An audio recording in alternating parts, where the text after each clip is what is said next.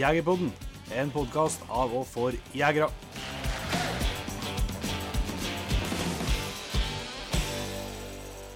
Hjertelig velkommen til en helt ny episode av Jegerpodden. Som dere sikkert hører, så er det kun en eh, Jon Inge som sitter i dag. Eh, dere som eh, følger med oss litt, har sikkert eh, fått med dere på sosiale medier at eh, det skjedde noe tragisk med hundene til Jon Petter eh, på Aspergen i helga. Eh, det, og dere som ikke har lest det, dere finner det på sosiale medier. Jon Petter han eh, har trengt å ta seg en liten timeout, så derfor så er ikke han med på dagens episode.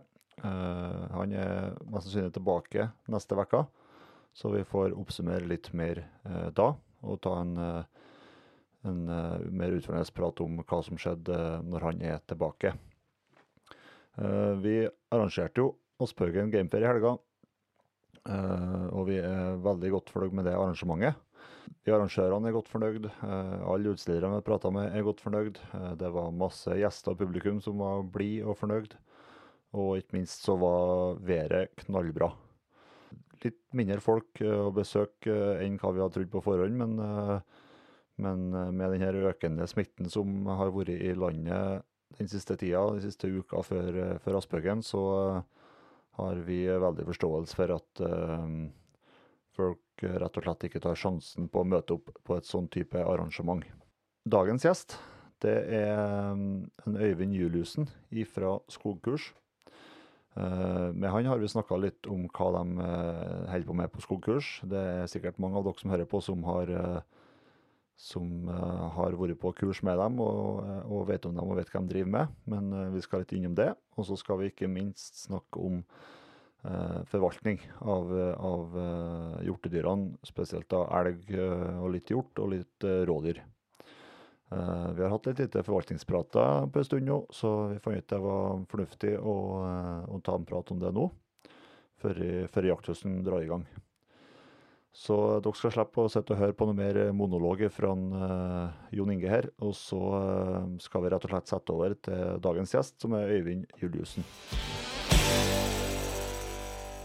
Da har vi rett og slett gleden av å ønske Øyvind Juliussen hjertelig velkommen til Jegerpodden. Takk for det. Hyggelig å være her. Vi, ja, så bra. Vi har jo så vidt snakka litt lag før, og vi, Øyvind, men eh, vi skal jo snakke om eh, viltforvaltning, eller i hvert fall på hjortevilt, da, som jeg vet du både kan mye om og, brenner for. eh, Men eh, før vi setter i gang det for fullt, Øyvind, så må vi jo bli litt bedre kjent. Kanskje du kan starte litt med å fortelle eh, hvem en Øyvind Juliussen er for en kar? Ja. Nei, kort sagt da, så er jeg 41 år og bor i Elverum, som eh, fort gjort kalt eh, Ulverum i det siste. Eh, men i, men i, i gamle Hedmark, da, eh, nordlig der. Og jobber nå på skogkurs som eh, prosjektleder med bl.a. mye viltforvaltning og jakt da, og utmarksnæring. Eh, har en samboer og to små jenter og tre hunder og to fulle våpenskap. Ja, Det er sånt, eh, Da har du jo et meningsfylt liv, med andre ord. da. ja, ja, det er ikke så verst. Hvordan ble det kommet i gang med jakta og, og interessen for friluftsliv og vilt? da? Nei, den har på en måte alltid bare vært der latent. De hadde ingen eh, foreldre eller besteforeldre som var eh, aktive jegere, i hvert fall. Nei. Så det var liksom litt en sånn derre Men det satt vel kanskje i DNA likevel, da. Så det ble vel ivrig på, alltid vært ivrig på det med særlig fiske da jeg var ung. da, Og det å på en måte bare være ute og drive det som vi nå kaller kanskje friluftsliv. Telt og slik. Det var veldig ålreit. Og ivrig DFS-skytter egentlig, fra jeg var ti år, da. Eh, litt oppover. Og så det var spennende dette med skyting også. Det var jo slik det naturlig kom inn. da. Ja. At han da endelig kunne ta jegerprøva som valgfag, husker jeg på ungdomsskolen, så var jo det naturlig. Hva, hvor starta det første viltet for dine, da, når du ikke hadde noen foreldre eller noe å henge på? Hvordan, hvordan lura du til det? Nei, Det var jo å få lov til å jakte litt uh, fugl hos noen grunneiere eh, oppe i lia hjemme der, det da, oppe i Rustad. Det var, eh, Jeg husker jeg var kry da, 16 år, eh, blodtrippa moped vet du, oppover lia der. Kanskje ikke helt sånn forskriftsmessig, da, men hagla hang i hvert fall knekt over bringa og sekken på ryggen, og det var, var bra. Og dro oppover der. Og første dagen husker jeg, så Eller jeg glemmer jeg nok aldri. Da hadde ikke gått mange hundre meter, så altså, fikk jeg på et rypekull og fikk skutt i dublé der da, med min 16 kaliber Levrona side side. Det var eh, det var, det var stas. Da, ja. Det ble ikke så mange mye mer going da, for da, da måtte jeg i hvert fall hjem igjen. Jeg var ganske rak i ryggen han kjørte ned igjen da. det, var, det, var, det, var, starten. Ja. Mm. Bra, godt minne. Men du, sa jo at uh, du hadde litt uh, hunder og greier. Hvordan ser jaktåret ditt ut nå? Nei, det er vel kanskje ikke så veldig spesielt ta jaktåret mitt. Har, hvis vi begynner å følge på en måte jaktåret, da, så april-mai, og så er vi kanskje å kikke litt etter beveren hvis den har noe tegn til aktivitet der den jakter. I, I, år ble det litt dårlig. Ja, det var så voldsom isgang på Glomma der jeg jakter, så der tok det nok boet, så jeg skura sunt alt. Så der var det dødt. Mm. Men vi fikk noen turer lell, da. Det er jo fint å ta med unga litt opp, og det er jo fint å sitte litt hvis det ikke er for kaldt. og kan prate litt lågt. og jeg syns det er veldig ålreit start. Ellers så um, skjer det jo ikke så veldig mye før bukkejakta begynner, da. Eh, 10. august. Og der har det vært litt sånn eh, att og fram er bukkejakta for meg, egentlig. Det har alltid vært ganske travelt på jobb. Eh, jeg har jo også jobba som viltforvalter i en kommune eh, før og ser jo den der, eh, Det har alltid vært en travel tid med skjemaer og, og slik som skal inn og ut, og mye som skal gjøres ferdig. Han skal jo jakte senere òg, så må måtte prøve å mm. komme litt, i, komme litt innpå. Så det er som alltid blitt litt sånn venstrehåndsarbeid, denne bukkejakta, samtidig som at det har kanskje ikke vært den mest rådyrtette terrenga. Det er vel å ta i at det er. Men hver høst har jeg i hvert fall tenkt at eh, neste år da skal jeg jammen meg prøve å få tak i bukkekortestedet der det er bra med dyr.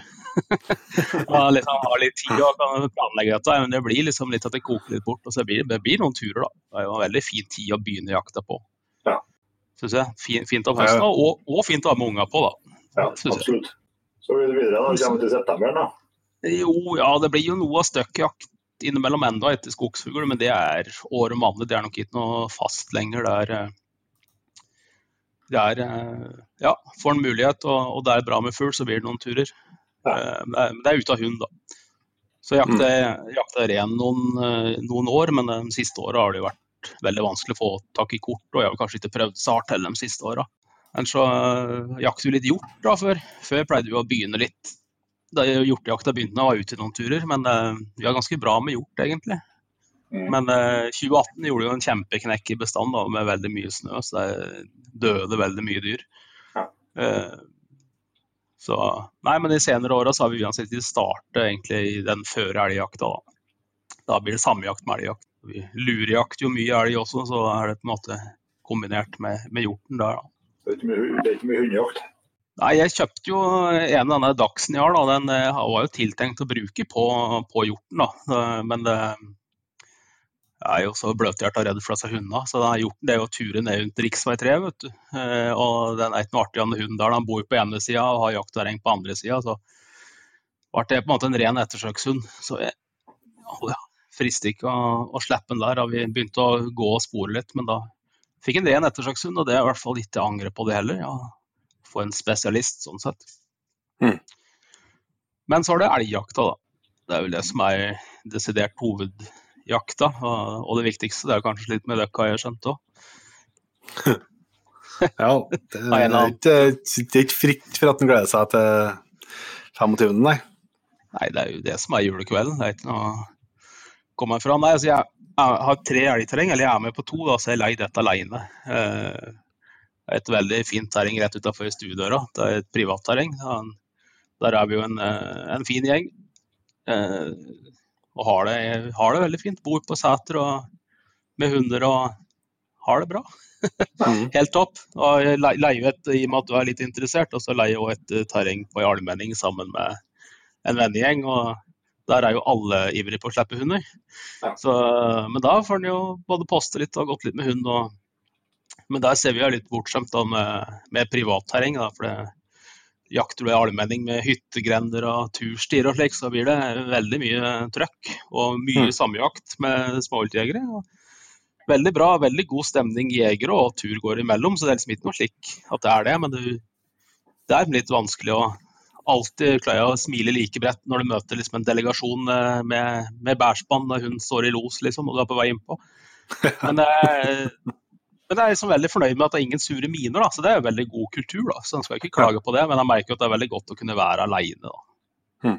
Det kommer jeg fra. Så har jeg leid et uh, terreng midt i ulvesona nå uh, i år, da. for jeg hadde, ble spurt, og da er det jo vanskelig å si nei. Det er jo ikke hundeterreng, så jeg må jo bare lurejakte, da. Så supplerer vi kanskje med en tur eller to til Sverige, da. Med litt dåp og litt sånn, hvis den har muligheten. Og så nevnte du at, uh, at våpenskapene var fulle der. Ja, uh, vil jeg ikke være til alt, da? Nei, uh, ja, vi, må nå komme oss videre òg, men vi kan i hvert fall ta, hoved, ta høydepunktene. Ja, ja, men Løvroen har jo nevnt. Eh, så er jo en eh, gammel Contento over under i kaliber 12. Mm -hmm. en, en, kombi 412 eh, med haglepiper òg. Og en 12-22 med en litt gammel Redfield oppå. Gjør nytte av den. Den står egentlig mest og venter på at de skal bli invitert med på noe litt bedre rådyrjakt. Eh, nei, så er Det er jo ikke noe høydepunkt, da, men jeg har eh, første rifla mi kjøpte jeg i 18. Det var jo en Burno ZKK 600 i 3006. Den mhm. havner vel på Finn nå med det aller første, tror jeg. Så løp og kjøp. Nei, så har jeg en, en Tikka T3 Superwarmint i, i 300 Windmag. Eh, den eh, er vel den jeg kanskje har brukt aller mest.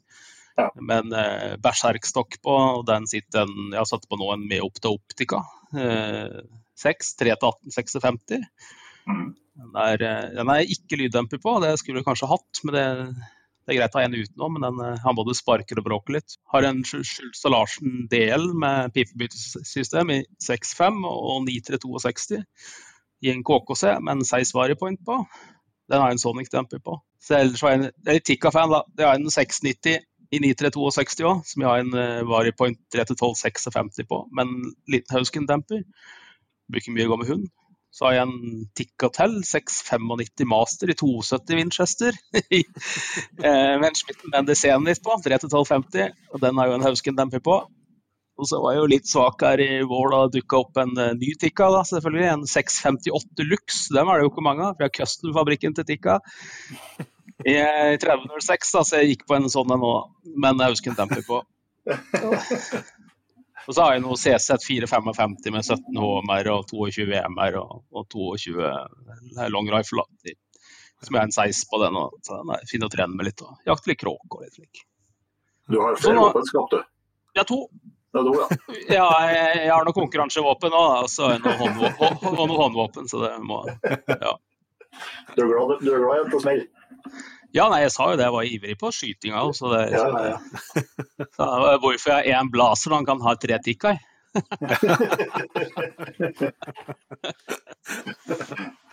ja, det går godt. Det går sånn, sånn, ja. den måtte jo bare gi dere. ja, ja, ja. Vi tåler det sånn. det biter ikke. Nei, ja, det er greit. Men så, Du nevnte jo Dachsen mattersøkshund. og så vet jeg at du har en jenthund, men så har du jo en uh, unghund uh, nå. Men helt annen rase igjen. Ja, jeg har en uh, østlaika ja. uh, på seks måneder. Igor, det er det store håpet, da. Mm. For du har, når du har uh, jevnt fra før, hva, hvorfor havna du på Laika denne gangen? Nei, det er jo litt fordi at jeg, som jeg sa i stad med Dachsen, jeg er på en måte veldig glad i altså, hundene. Jeg er liksom litt redd for dem. Jeg, om jeg bor, bor på akkurat et stenkast unna ulvesona på rett side av Glomma, så er det jo ikke til å stikke under en stol at det er jo en, er en viss fare her òg. Eh, for, eh, for, at det er noe streifdyr, og det ser vi jo. Det er jo ikke mange år siden naboen mista en hund. Eh, men det er på en måte en, en risiko. Vi jobber jo alt vi kan for å på en måte se, se etter spor og sånn, og litt kamera for at det ikke skal være noe i skogen, selvfølgelig. Vi er jo glad i altså hunder. Men så jeg er veldig opptatt av at jeg vil ha med hund i natt om kvelden. Det er liksom målet for at du skal kunne slappe av litt. da. Men det er òg, ikke minst, da, både rv. 3 og, og fv. 25 liksom, til Hamar. Det er mye trafikkerte veier vi jakter rundt òg, så det er jo ikke bare ulven. Absolutt ikke. Det er rett, der, derfor også, den er, må jo si, en hjemtun de har, da, den er jo den tok jo over etter, etter vennepar. for det er jo hun jaga vel litt slik som jeg liker å jage. Uh, hun er ikke veldig stor i søket. og hun, hun henger ikke på altfor lenge.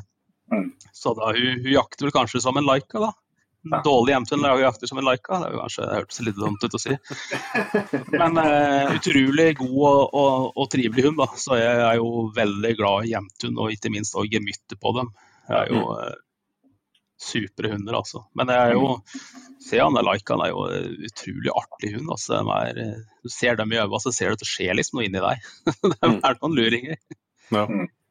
Ja, vi Ja, i gang. altså-. Fantastisk bygd, da. For uh, fart og utholdenhet. Ja, kanskje litt for mye for fart. Eh, Ja. jeg kan, eh, jeg kjøpte jo en oppe i, Selbu. ei- er ei trivelig jente der som har en eh, kennel som heter Bergulen, som er ganske ny nå. Eh, og- den var jo han Dette var jo ei venninne av meg som, som har. Boris. Og du jakta med den litt grann før, og han er jo utrolig rask. Eh, Men eh, han er òg veldig god. Jeg syns han jobber fint. Han kunne kanskje være litt roligere i søket, og i hvert fall hvis det løsner. Men nei, jeg syns det er utrolig trivelige hunder, og lik måte de jakter på. Mm. Ja, men det blir jo spennende. Det blir jo Går det an å kanskje prøve han litt på, ut på senhøsten her, da?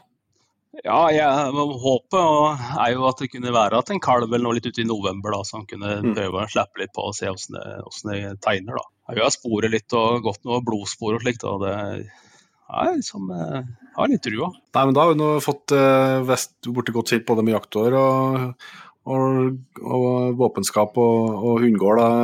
Men eh, vi skal jo prate eh, forvaltning og, og til hjortevilt her.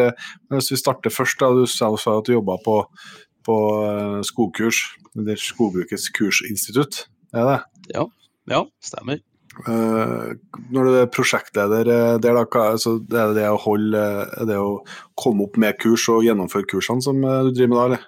Ja, nei, vi holder jo vi holder kurs, og vi, vi lager, veien, lager kurs til det vi til etter hva det måtte, måtte være behov for og ønske etter.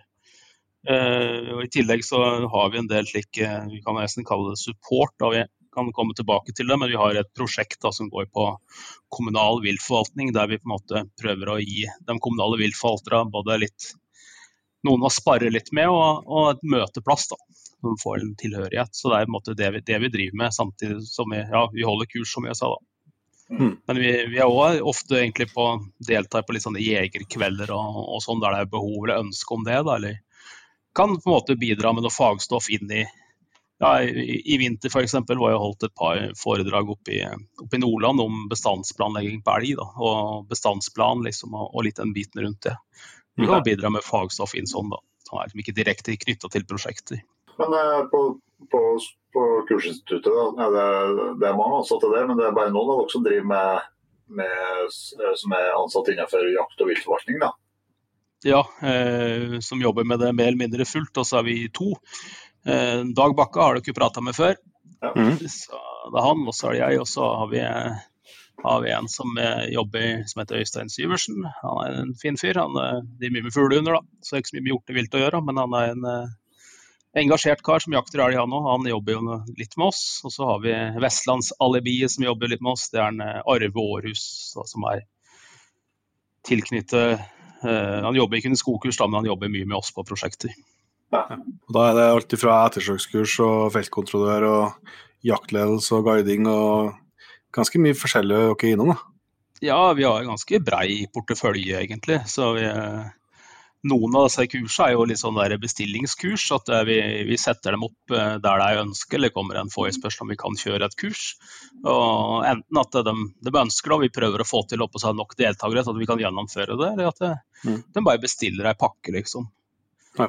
Men det, det som vi kjører desidert mest av, er jo da på en måte ettersøkskurs og ettersøk videregående, da, feltkontroll, og også jaktledelsekurs. da. Mm.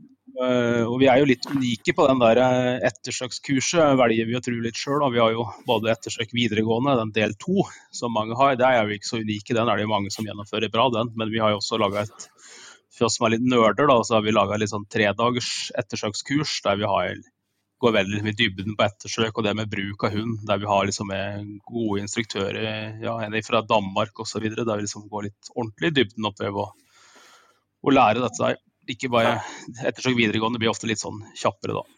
Ja. Men vi har, eh, det er både jeg og Dag er jo veldig interessert i dette med ettersøk og opptatt av det. da, At vi skal være gode på det. Så vi, vi skal se om vi klarer å få til litt mer rundt det etter hvert. da. Kan Mm. kan hende det kommer noe. Vi får se. Men er det sånn at eh, er det, er det, hvem som helst kan liksom melde seg på sånt, eh, så hvis du bare er interessert, eller er det stort sett folk som blir sendt fra kommune, og- kommune og som sitter i forskjellige posisjoner, eller? Ja, det er veldig begge deler, egentlig. Ettersøkskurs er jo påkrevd da hvis du skal drive eh, offentlig ettersøk, eller altså ettersøk i Mm. regi av det offentlige. Du trenger ikke, hvis det da er det må jeg bare poengtere, for at ikke alle helt har fått med seg, at hvis du driver som vi kaller renovatør, altså det vil si plukker opp døde dyr på veikant, så trenger du ikke.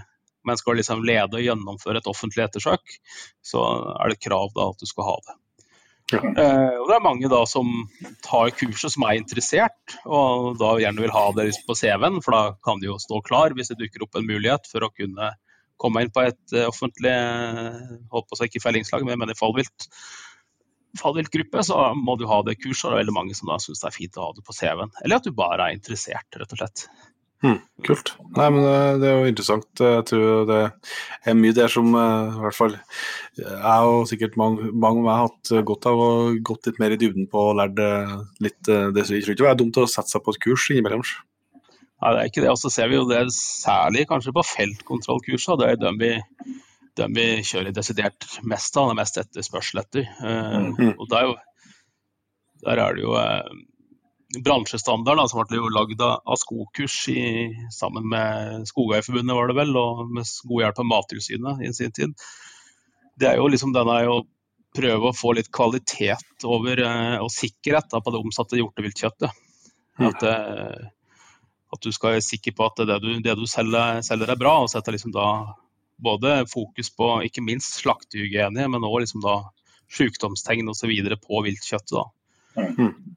Og da er jeg liksom sikker på sporbarheten av kjøttet hvis det skulle være noe. da. Så det er liksom det å få det satt i system, og det er eh, det går veldig mye kurs av. Nå tror vi vi har utdanna til sammen 8000 feltkontrollører, ja, så har vi begynt med det. Og det er, eh, nei, jeg, det, er, det er et bra kurs. Lett å si for oss, da, selvfølgelig. Ja. Så så det jo hatt et sånt eh, såkalt kurs i bruk av GPS hundpeilere. Så Det må man kanskje ha litt tålmodighet for å være kursholder, eller? Ja. Ja. Så, eh, da har vi den tålmodige seniorkonsulenten som har drevet litt med det. Eh, og, og Øystein som GPS-guru, som vi prater på, som har, har jobba med det. Da, og det, det tror det ble, eh, vi, vi har ikke lagt den helt død ennå, men det ble jo veldig mye litt den der bruk av Åh, hva heter det? Ja, vi si enkelt at bruk, bruk av PC, så tror jeg fort det ble et lite PC-kurs i stedet for et GPS-kurs, når alle kom med hver sin bærbar PC. Eh, så vi jobber litt med det, men det har jo kommet så mye nytt ikke sant? eh, etter at det egentlig ble lagd. Du har jo trackeren osv. Men vi ser litt på å fornye det. og så jeg tror, tror mange fremdeles kan ha, ha godt av det, for du ser jo det enda, ikke sant? hvis du møter opp en stand. og Det er alltid en eller annen kar som kommer bort til deg med en GPS eller en annen og spør at du, hjelp meg med det her, åssen var dette var att, ikke sant? Så du får jo hjelp, men eh, det hadde kanskje kunne effektivisert at du kunne det sjøl, og du visste hvem hunden din var sjøl, og, og at det ikke var avhengig av noen andre. Men den ligger litt sånn. Ja, så er det jo sikkert at du blir stadig flinkere til å lage der eh, Altså, jeg kjenner på her, første GPS. Det var, ikke, det var jo før, i, før i Garmin kom med, med noen hundpeilemuligheter. Men den første GPS-en var jo nesten umulig, umulig å bruke. PK-jet. Eh, ja, det var liksom, men nå er jo grensesnittene mye enklere. og det, Alt ligner jo etter hvert mer og mer på en smarttelefon. og, og grensesnittene du er vant til å forholde deg til. Så det blir jo ikke enklere og enklere sånn sett òg. Ja, det gjør det. Det er liksom litt en eh, Du ser jo enkelte ting ikke sant, som kan være litt utfordrende likevel. Det håper så putte på penger på halsbåndet ditt osv. Det er jo bare sånne Ja. små enkle ting hvordan du gjør det. ikke sant? Og det, Mm. Men det har jo da, de som leverandører har jo vært flinke til å forklare det etter hvert òg, da. Så det er jo... Ja. Ja, nei, Da vi pratet på prosjekter, da, så nevnte jeg så vidt at vi, vi starta i, i 2020 med et prosjekt da, som eh, vi kaller bare for kommunale viltforvaltere. Og det er litt det at eh, Som tidligere viltforvalter så er jo klar over det at mange vil for viltforvaltere Du sitter jo stort sett alene eh, på ditt eget kontor. Du har et lite, ikke så stort nettverk. og, og du har ingen, så ikke så mye sparringspartnere osv. Jeg, jeg jobber jo da også som skogbrukssjef, som som jeg kanskje ikke sa, men jeg gjorde i hvert fall det. og kom det liksom en endring i lovverket som var knyttet til skog, så dro jo Fylkesmannen inn. ikke sant? Og Da var det jo samlingsbasert informasjon ikke sant? og kanskje gruppeoppgaver. og liksom Alt ble løst. Alle fikk dette liksom klemt inn. dette Nå sitter det her, nå kan vi det. Eh, som en kommunal viltforvalter kommer det en endring i en lov eller en forskrift, så liksom, får du kanskje en e-post. Det er liksom på det, det nivået, da, så det er liksom ganske stor forskjell, selv om vi begge driver i utmark. Da. Så det er liksom det å prøve å ta tak i, i viltforvaltninga, og så la viltforvalteren få et lite nettverk rundt seg. Da. Så eh, Vi starta faktisk opp ei lukka Facebook-gruppe. og Der har vi nå samla så er det 190 tror jeg, av landets viltforvaltere som er med der. Der de liksom driver og diskuterer fag da, og, stille spørsmål. og Det er en utrolig trivelig gruppe. Liksom så sjelden at du ser ei Facebook-gruppe uten noe mobbing eller hakking eller noe som helst. Alle spørsmål kommer, og ingen er for lett eller for vanskelig, liksom. Og det er eh, super stemning. Jeg tror at det er noe de har, har savna. Bare påpeke at Den er jo der lokket. Da. Så vi sitter liksom der og vokter døra litt. og Du kommer jo ikke inn hvis ikke kommunal viltforvalter er liksom litt for å skape den tryggheten til diskusjon. Da. At det liksom er lukka for dem. Så jeg vil bare oppfordre at hvis du er en kommunal viltforvalter og ikke er med, så ta gjerne kontakt og bli med der. Altså. Men uh, hvis du tar litt dere, eh, dere er også viltforvalter, uh, er, det, er, det, folk uh, som ser liksom at de får en e-post, er, er, det liksom fokuset fokuset til myndighetene på som er grunnen til at det blir sånn? Liksom, er det liksom detter litt mellom flere stoler, eller hva er det som gjør at det ikke er det, det, det systemet som det er rundt skogbruk, f.eks.? Nei, det er jo litt med, det er nok mye knyttet til ressurser, jeg tror jeg, ressursbruk. Eh, vi så jo dette med i, når, når forvaltningen har flytta til fylkeskommunen, så, så fikk de jo den derre Eh, du fikk jo én person da, som skulle liksom jobbe med veldig mye, bl.a. Mm. viltforvaltning.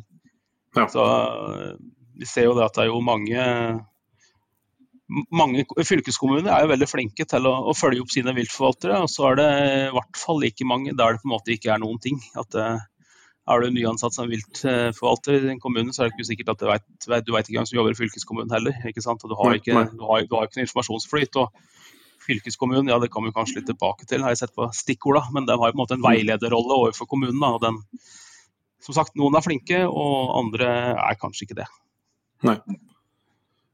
Og så ser jeg for meg at det er litt sånn viltforvalter sånn i kommunen. Det er litt sånn eh, det er litt som å brøyte snø. eller Du får kanskje ikke uh, skryt når veien er fint brøyta, men hvis det ligger litt snø, så får du, får du beskjed. Jeg kan se for meg at det kan være litt sånn å være viltforvalter lokalt òg.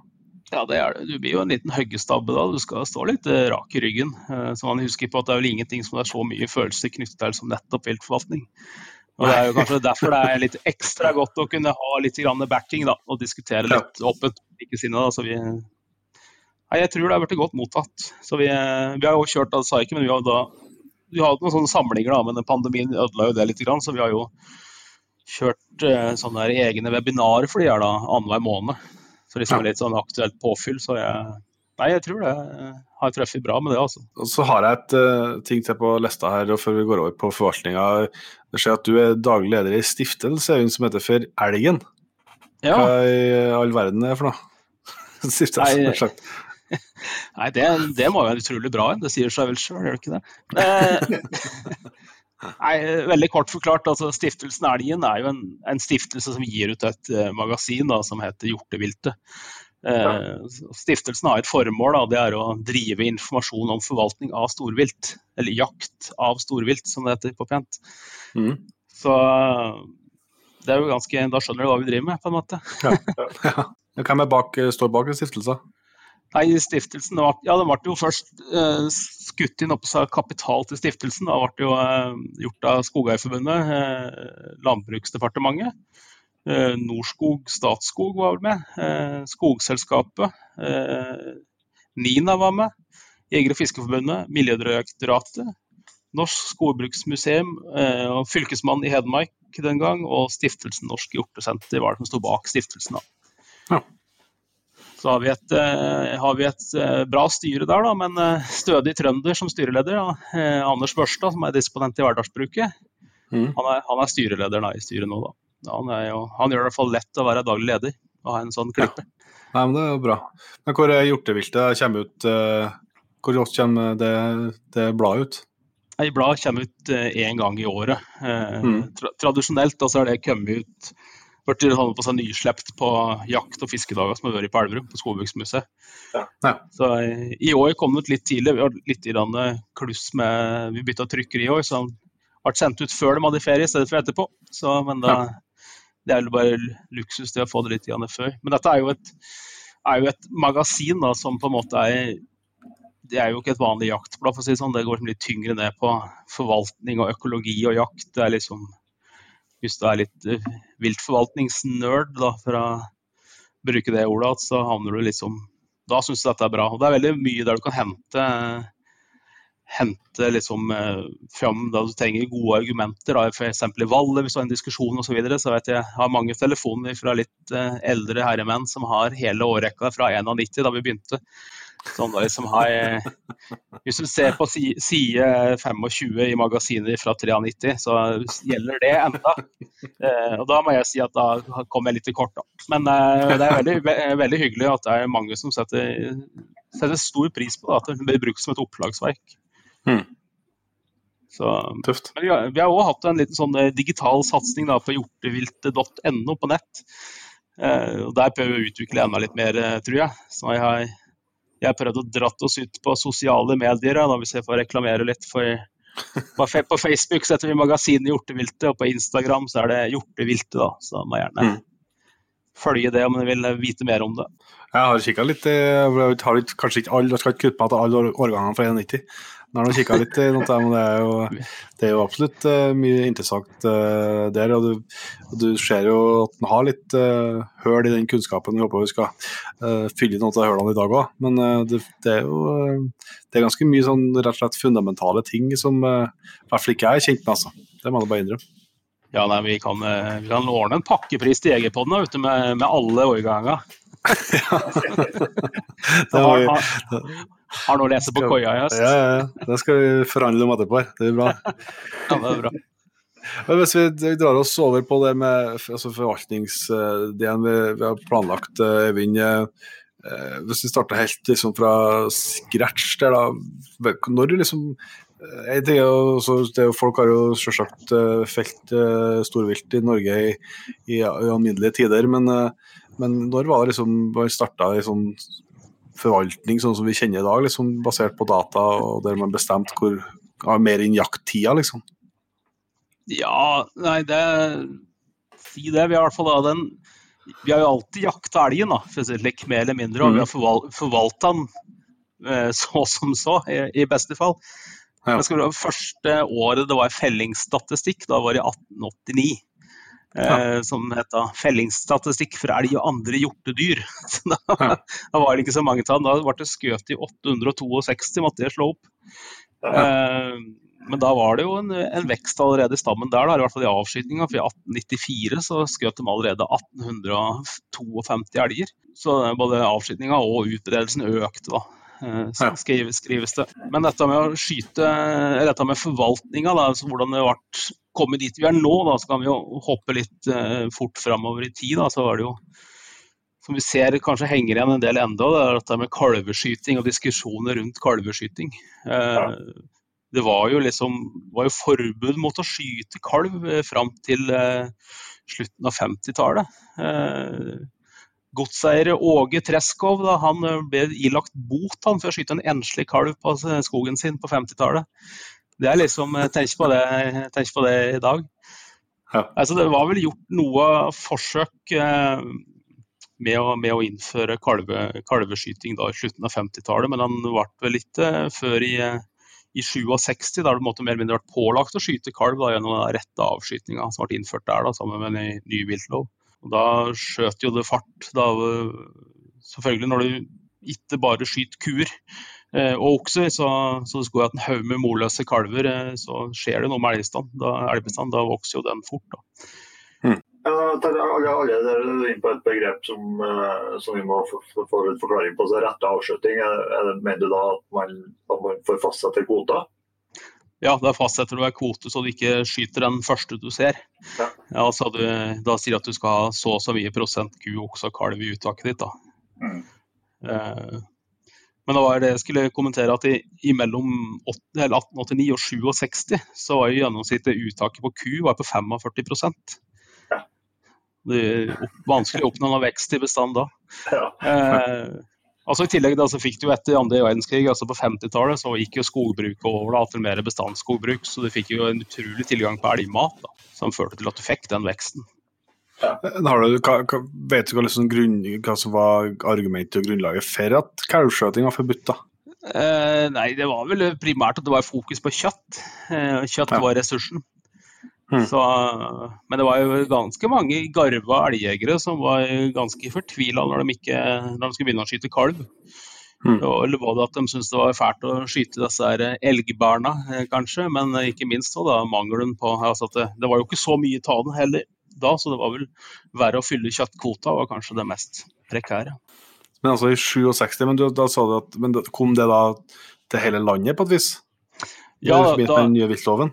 Ja, da var det Da kom det jo på en måte nasjonalt innført. Da så er det jo klart det var jo ikke forbudt, du kunne jo skyte ungdyr. altså Den diskusjonen den ser vi jo, den blomstrer jo godt enda den i dag, om vi skal skyte kalv eller ungdyr. Mm. Men eh, det har jo vært noen småendringer opp igjennom der òg, men det er liksom da fra 67 vi begynte med, med rette avskyting, da, som da har vært nærmere oss den modellen vi har i dag. da. Det er jo mye begrep i viltforvaltninga som, eh, som kanskje vi er greit å, å ha litt eh, kontroll på Uh, før vi liksom går litt dypere inn for dem som ikke er kjent med, med alle begrepene. Da. Eh, hvis vi starter med Det er noe som blir sagt i mange områder, vi skal kanskje tilbake til det, men det med bestandsplanbasert forvaltning. Eh, Så vi må kanskje dele opp det først. Altså, først og fremst hva eh, For da har du, da har du bestandsplan, eller bestandsplanområde, er det det starter med? Ja, altså Bestandsplanområdet, eh, det er da flere vall går sammen. Å lage én bestandsplan som går over flere vall. Da mm. De danner da et bestandsplanområde. Og da, er det, da skal setter man opp en eh, det er fordi, og det, er- det er rett og slett tanken da, at det ikke det er samme elgen innenfor det området. Sånn Ja, at det er fornuftig å, å forvalte den på tvers av de ulike vallene.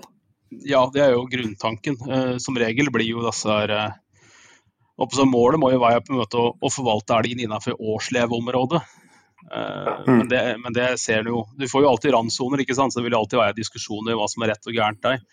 Men uh, samarbeid i store enheter har jo alltid i hvert fall noe, mye for seg, da. Ja, for det, det, det er utfordringen en del plasser, i hvert fall i sånn uh, uh, Jeg kjente noen områder her omkring, i hvert fall, der, der det kan være og Både på svensk side der det kan være store beiteskader. Men det er jo ikke noe elg i skogene der på, på høsten. Men det er trekkelg som kommer fra fjellene Mm. eh, på, etter jakta er slutt. da. Det er jo kjente problemstillinger der. Ja. Mm.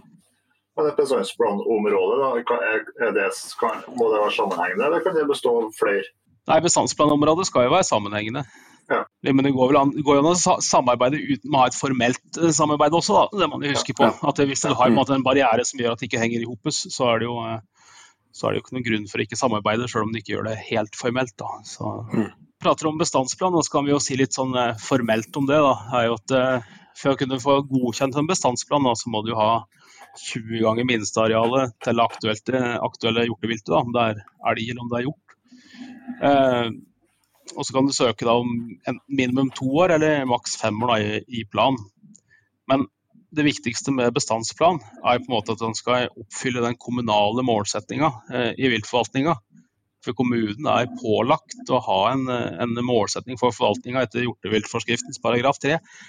Det det er syndes nok litt utover eh, i mange kommuner, eh, og noen har dette veldig, veldig på stell også. Men eh, da du setter opp den målsettinga, så skal du huske på at da skal da en bestandsplan bidra til å oppnå måla i den målsettinga. Så hvis du Mm. ikke har samsvar, så skal jo egentlig ikke bestandsplanen kunne godkjennes. da. Nei. Og Derfor er det jo da veldig viktig å dra fram denne med kommunale målsetninger, og at når den lages, så må det gå en, gjøres en ordentlig grundig prosess. Der måte alle blir hørt, eh, alle interessenter, slik at du på en måte du tar opp på seg striden der eh, når du gjør kommunale målsetninger, og så prøver du å få til et, et avtaledokument der da, som vi på en måte kan stå inne for alle parter da, i, i Mm. planperioden. Det er riktig. Altså, Kanskje vi, må gå, kanskje vi må gå litt for å forstå mer av sammenhengen her. Eh, så kanskje det er lurt å tenke seg hvordan, altså, hvem er egentlig som bestemmer hva, og hvordan det blir bestemt. da. For øverste myndighet er det Klima- og miljødepartementet, eller? Eh, Det var. Eh, Ja. I kongelig resolusjon i 2018 så gikk, gikk da ansvaret over for høstbare viltressurser over til Landbruks- og matdepartementet. Ja. Som da liksom lager de store føringene, da. Mm. Eh, Og hvilke føringer de kommer med? da? Så, hva- Hvilket nivå legger de seg på? Nei, det blir, eh, slik jeg ser det, altså, det er liksom de overfladiske, grove trekka. Eh, Mm. Og så har du jo da har du Miljødirektoratet, da, som måtte ha det overordnede ansvaret eh, om å forvalte viltet og utforme regelverket for jakt og fangst, da, som ligger på en måte rett under Landbruks- og matdepartementet i hierarkiet. sånn sett. Da. Så er Bollestad som øverste høvding per dags dato. da. Ja, hun gjør det. Det er vel derfor vi ser deg innimellom på TV med en rød caps i valgåra, er det ikke det? og så, Men så kommer jo fylkeskommunen inn der, da. Bestemmer fylkeskommunen noen ting, eller er de rådgivende part? Eh, ja, det, det kommer kanskje litt an på hvem du spør. eh, men de har, de har jo et ansvar, de også, av forvaltning av, av jaktbare arter. Da. Men eh, de, er, de er veldig, Fokuset deres ligger mye også, da, på ivaretagelse av leveområder for viltet. Mm. Eh, og så har de jo den veilederrollen vi har, jeg nevnte så vidt før, overfor kommunale viltforvaltere og, og så videre. Og Mm. Da kan vi komme litt inn på det igjen, da, med de kommunale viltforvaltere, som jeg har litt tett til bringa i hvert fall. så er det jo vi ser jo da, Jeg jobba jo som viltforvalter før 2010 også, og da, da hadde vi jo fylkesmann. og Da var det på en måte inntrykk at det var mer ressurser og mer fokus mot vilt. Det er i hvert fall noen som jobber omtrent bare med det. Så jeg er ikke noe, dette er ikke noe for å være slem med fylkeskommunene på noen som helst slags måte, eh, men det er litt at jeg tror de er, de er i en skvis med ressurser. altså. Mange, mange av dem Mm. er det. Ja. Mange av dem er kjempeflinke. Det er ikke det. Må jeg se for sakte. Men altså, hvor, hvor, er det be, altså, hvor er det det bestemmes? Altså, for- altså, er det kommunen alene som bestemmer hvor mange vilt som skal felles i kommunen? Så Ja. De får ikke beskjed om det, de får ikke noe føring fra det fra fylkeskommunen eller uh, Miljødirektoratet. eller eh, hvis så, så For å sette det på spissen, hvis, hvis en kommune virkelig har vært på vrang, vranga, så kunne de bestemt seg for at nå skal alt velg skjøttes ut i kommunen. Ja, altså det, Da blir det såpass uh, far-fetched at det er litt altså, da, vil, altså, tro- da, vil- da, vil, da vil jo de slite med en del lovverk. da, så, Ja. og, og få til det, da, for du skal jo på en måte ha en bærekraftig forvaltning osv. Så, så, Ja, ja. så inn, innenfor de rammene som er gitt der, da, så er det på en måte kommunen som er direkte hands on i hjorteviltforvaltninga. Mm. Og, og der er det jo da igjen, da, som jeg, jeg er veldig opptatt av å få sagt, det er jo den der kommunale målsettinga. At hvor viktig den er for å ha en god hjorteviltforvaltning. Mm. Men da er det sånn at eh, da er det kom- kommunen setter en målsetning, og så er det eh, hvor den bestandsplanen kommer inn etter den målsettinga er satt. Altså settes den bestandsplanen av hvert område i en kommune, da, eller er det en bestandsplan som ligger for en hel kommune først? Ja, altså Vi kan jo på en måte gjøre det litt sånn gradvis. da, Vi sier at Vi har jo den kommunale målsettingen da, som da er gjort en politisk prosess på. og er måte godt hørt og opplyst og alt mulig. Da, den er på en måte stempla. Så har jo kommunen også, de skal jo godkjenne minstearealet. ikke sant? Som, eh, Mhm. Det gir jo da grunnlag for antall løyver som gis. Eh, Ja. Det er jo, Ja, for det er sånn man starter, man starter med å sette et minsteareal ja, eh, hvor, på, i kommunen. ja, hvor mye kan vi ta ut liksom, vi, for å ha den bestanden vi ønsker å ha. da. Mm. Eh, og så Etter det så er det jo da OK, da vet vi hvor store, eller hvor små valla kan være for å snu på det. For, Mm. for å kunne godkjenne et valg, så må du jo ha, i hvert fall oppfylle minsteareal til ett dyr. da. Mm. Eh, eh, men selvfølgelig gjerne betydelig større enn det. Eh, så da kan du godkjenne valget, og så igjen kan jo da vallet eh, fremme da en bestandsplan eh, til behandling for kommunen. da. Ja. Eller bestandsplanområdet hvis det er flere valg som samarbeider. Ja. Mm. Eh, da behandler de det, også. ja, er du ikke, hvis du ikke har en bestandsplan inni, da, så får du direkte tildeling av det. og på en måte kommunens ansvar da, som sørger for at de, de også får en kvote. da. Men endringer i Hvis det har en eh, grunneier som, eh, som ikke vil være med på sandsplanområdet, la meg det andre lenger, Mm. Så man må, må gjøre på området. Blir alt det der behandla politisk i, i kommunen, eller? Det varierer ut fra delegasjonsreglement i hver kommune. Ja. I, I noen kommuner gjør, gjør, gjøres det, og i andre så er det på en måte delegert til vilt, eh, viltforvalter. Da. Eller ja. rådmann, som det heter på pent. da. Så da, da så, eh, sette setter et sånn uh, minsteareal, vet du noe, liksom sånn prosesser for det? Altså for å En ting er jo det første, første året, men så skal jo det justeres. Er det typisk sånn fireårsplaner på det? Nei, det, det kan du gjøre på en måte hvert år, eh, hvis du vil det. Og klart, Va- Valla kan jo også gjøre disse her, som de vil sjøl, eh, innafor de krav. Altså, de kan ikke ha, du kan ikke tildele mer elg enn det kommunen vil, men de kan jo da fravike det kommunale eh, noe Mm. eh, i andre veien. Men det aller beste er på en måte at du har en sammenhenger, da, at kommunen og da ikke lar minstearealet bli statisk. At de da på en måte følger opp for å følge etter endringer i forvaltninga, eller i bestanden. Mm. Så du, men den kan du sagt endre hvert år. Eh, Det er en frist Å, står litt stille akkurat når den er, men den er ganske tidlig på den. på året, nyåret. Der du kan fremme, fremme, fremme forslag om nytt, nytt minsteareal. Men det med tellende, tellende areal oppi her, da, er det eh, hva som er tellende areal? Er det likt over hele landet, liksom? At det er på, eller er det tregrensa, eller hva er det som styrer, styrer det? Nei, der er det vel eh, lokale variasjoner, i hvert fall lokale en, tolkninger, da, som er, eller som er sånn generelt. Altså er jo, det er det arealet innenfor vallet som kan legges til grunn for tildeling av fellingstillatelse. Og det er jo på en måte de innenfor de arealtyper eh, som det regelmessig benyttes av det aktuelle hjorteviltet. Da. Mm. Så kan det jo være eh, altså De skal jo finne både mat og skjul og, og områder for reproduksjon, som det heter på fint, der de skal ha der. og Det er jo ofte da altså du trekker ut Det kan være skog og myr og under tregrensa eh, primært, da, og så er det impediment for så vidt. Men det store vannet som trekkes ut. da. Sånn at du står igjen med Så det er ikke bare å, det er ikke bare å se hvor mange mål valget er, og så gange opp det. Du, må, du skal trekke fra noe. Ja, må huske på å være litt uh, ryddig der. Og det husker jeg alltid var den store, store festen når det kom en store valg med en sånn en du skulle godkjenne. Se- og det regner litt på å se, hjelpe dem litt å finne ut hva som kunne trekkes ifra. For det er som regel mye vann og slik, så det blir noe regning. Ja, ja sånn som eh, her er det vel mye stein og kaldvann og en del eh, sånn som vi, har- vi har jo noen veldig store vall, men det er mange av dem der ikke er så mye tellende areal for dem.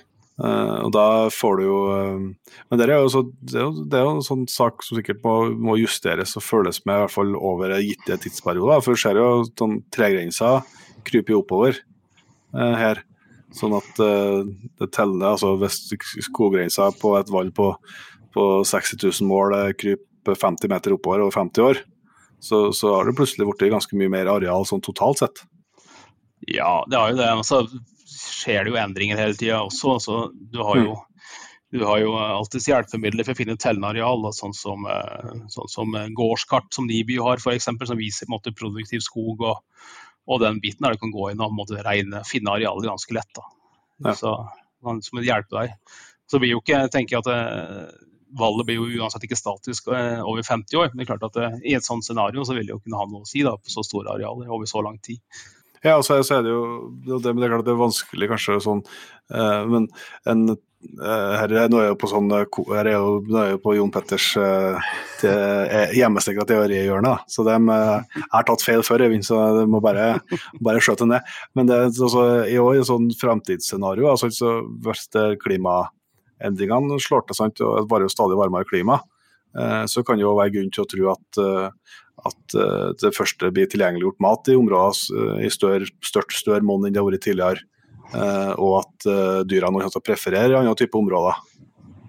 For å få svelgen som ikke er så glad at det er veldig varmt, f.eks. At den vil oppholde seg mer til fjells enn hva man kanskje har gjort i, i tidligere tider. Da. Ja, nei, det er absolutt mulig det. og jeg blir litt synsing det jeg sier òg, men jeg, jeg har jo inntrykk av at det blir, at det, elgen holder seg høy, høyere i terrenget og, og fjellet på de særlig varme periodene av sommeren Mm. også, eller varme somre. Men det er jo som sagt, det er, for min del så blir det synsing. Ja, ja, ja. ja det, er, det er jævlig god på det, vet du. Nei, men Da har jeg i hvert fall fått litt uh, svar på hvordan dere henger i hop. Men jeg må si at det er overraskende, så, så jeg er jo ikke noen ekspert på det på noe vis. Men jeg syns jo at kommunene hadde jo for, for så vidt mer ansvar enn hva jeg hadde trodd. Ja, og det er litt derfor vi syns det er litt viktig å, å, å, prøve å ta litt tak i den kommunale viltforvaltningen. Og så jeg håper så, ikke gi, gi, dem påfyll, høres kanskje litt arrogant ut at vi sitter på all kunnskapen, men det er jo i hvert fall det å måtte lage en arena der vi kan drive kunnskapsutveksling på et eller annet vis. Da. Det tror jeg, tror jeg er veldig viktig for viltforvaltninga i Norge også. Man setter jo med et, annet ansvar uh, viltforvalteren. Når det er så mye, når det så mye avgjørelser og, og prosesser som kjøres gjennom viltforvalteren, men som kanskje behandles politisk. Men fortsatt så er det jo en viltforvalter som skal fremme en sak. da. Det er et kjempeansvar, eh, og det tror jeg både de som jobber i, i kommunen, jeg håper å kommuneadministrasjonen, og måte, godt å høre det. Ja. Eh, liksom så du slipper måtte, å sitte i kottet ditt satt, på, mm. satt, på, spissen. Det, er, eh, nei, det kreves en del. Og, det er, som sagt, og vi sa det var veldig mye interesser. og blir fort konflikter i den rollen der, altså. Jeg synes det var ganske artig. Jeg hadde jo, hadde jo en 12-13 år som viltforvalter og skogbrukssjef, og jeg syns alltid det var like interessant hver gang. Jeg husker vi hadde en, en prosess med, noe, med noen misfigurer, altså vil si vern av skog. Da. Eh, og jeg husker en grunneier, han mista jo muligheten til å drive ut enorme mengder tømmer, enorme store summer, og det var liksom sånn Dro på skulderen, liksom. og det ja, nei, det, sånn var det. Og så husker jeg at det var noen endringer i minsteareal. Og så mistet vel én eller var det to elger på et ganske stort terreng. Eh, og nei, da var det krig, altså. Det er millioner av kroner. Det drar vi på skuldrene, og så har vi, har vi en elg eller to. Nei, da er det Skjønner ikke at det går an, liksom. Så det er, eh, nei, så det er bare for å visualisere, liksom. Eh, sterke følelser? Veldig sterke. Jeg syns jo, synes jo Torstein Storås hadde et veldig bra sitat som jeg hørte han sa på ei samling, jeg var ganske tidlig etter jeg begynte i, kommunen, og da sa han at eh, alle som har sittet på, på elgpost i mer enn én time i sitt liv, har en klar formening om elgforvaltning. Eh, og, det, og det, det, er jo så å treffe spikeren på huet. Eh, så absolutt. Så det er mange med store, mye meninger, men ikke alltid. Så ikke alltid velgrunna, da det kanskje er litt sånn, det vi ser veldig mye i en viltforvaltning, er jo denne berømte stubbeforvaltninga. Altså det er det du har sett på den stubben du har sett på elgjakta, som liksom skal bestemme hvordan elgjakta skal være, og om det er mye eller lite elg. Eh, dette ser vi alle steder. og det er jo, Hvis du setter deg med huet i en eh, smarttelefon og, og, eller prater litt, så er det ikke sikkert du får med seg veldig mye heller av det som skjer. og det er jo veldig farlig at du da ikke stoler på de innsamlede data, at du stoler på egne observasjoner når du kanskje egentlig ikke har vært observant. Nei. Nei, for Det er jo ikke tvil om at sånn stor, altså vi ser at kommunen har stor ansvar, men, men, vi skal jo ikke på noe vis undergrave ansvaret vi som er med i valgene og, og enkeltjegerne har, eller? For det er jo vi som skal sette dette her ut i, ut i livet og kan og til slutt skal trekke avtrekkeren og gjøre de valgene som da er fullstendig irreversible. Ja, det er akkurat det. Jeg husker jeg pleide å tulle litt med en, en kompis vi jakter med. Det var liksom det, det jakta første jaktdag, eller dagen før, da, så var det som alltid nei, nå er vi liksom Vi var jegere, ikke sant? og de mener nei, vi er ikke jegere, hva er det vi er for noe? Vi, vi er forvaltere. det liksom, Hvis jeg setter litt på spissen, ikke sant. Og det er jo det. Er jo det. Når du, det Jegeren er jo utøvende, ikke sant. Så det er jo, det er jo de handlingene til jegeren som på en måte til sjuende og sist da er suksessfaktoren da, for om det du lykkes med forvaltninga eller ikke. Da. Og for, mm. både forholde seg til både plan og den kommunale målsettinga. At du liksom eh, det til slutt koker ned til at jegeren tar en riktig avgjørelse og skyter riktig dyr. ikke sant? Det er jo det er sånn vi lykkes. Mm. Men eh, det vi har snakka om fram til nå, altså med saksgangen på et vis da fra Landbruks- og matdepartementet og, og, ned til, til jegeren. Eh, det, det, gjøres likt i hele landet, men så er det forskjeller i, i, hvordan, man, eh, i hvordan, man, setter opp bestandsplan, eller altså type avskjøting. Ja, altså det er, jo, det er jo mange ulike avskytingsmodeller rundt om. Eh, mm. det er jo, den skal jo da òg tilpasses både det utgangspunktet du har og hvor du vil. da, for ja. å si det sånn. Eh, men jeg er på en måte ganske forsiktig der. Jeg har alltid vært veldig stor tilhenger til å, å skyte mye kalv og ta vare på produksjonsdyra. Mm. Gjør, gjør, du det, så har du på en måte kontroll over bestand. Har du kontroll på produksjonsdyra, så har du kontroll på bestand. Så liksom å skyte da si 50% nei 15, 15% okse, 15% ku, 70 kalv ungdyr, kanskje 50% av dem kalv. Mange vil jo synes at det er helt håpløst, men det er jo en veldig fin modell på å ta vare på, eller å da bygge fram en større andel produksjonsdyr i bestand. Mm. Men eh, hvis kommer mer over på, på, på bestandet, fungerer liksom tenk på den oppbygginga som man nevnte i stad, fungerer på samme måte med, med hjorte hjorteforvaltninga?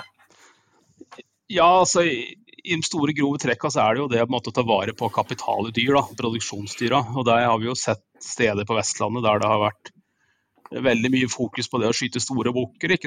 Så det, da får du jo òg utfordringer med at du får sene paringer, da, og, og du får etter hvert ja, sene, sene kalvinger. Da, da de blir åringer, så blir de jo små. ikke sant? Du blir alltid hengende etter, akkurat som elgen. det. Eh, vil de ikke satse på, satt på helst på første brunsten, så vil de alltid bli tapende litt for hver gang kua skal løpe opp igjen før hun blir satt på, hvis det er lite okser. Ta oss litt uh, gjennom også, så mange ulike avslutningsmodeller. Hva, kan du ta oss litt gjennom hva som er det vanligste? Da? Altså Er det bare prosenten vi, som, er, som, er, forskjellig, liksom? Men har de, har de, navn, liksom? Er det noen som har, eh, er det noen som, har noen sånn fancy navn på hverandre?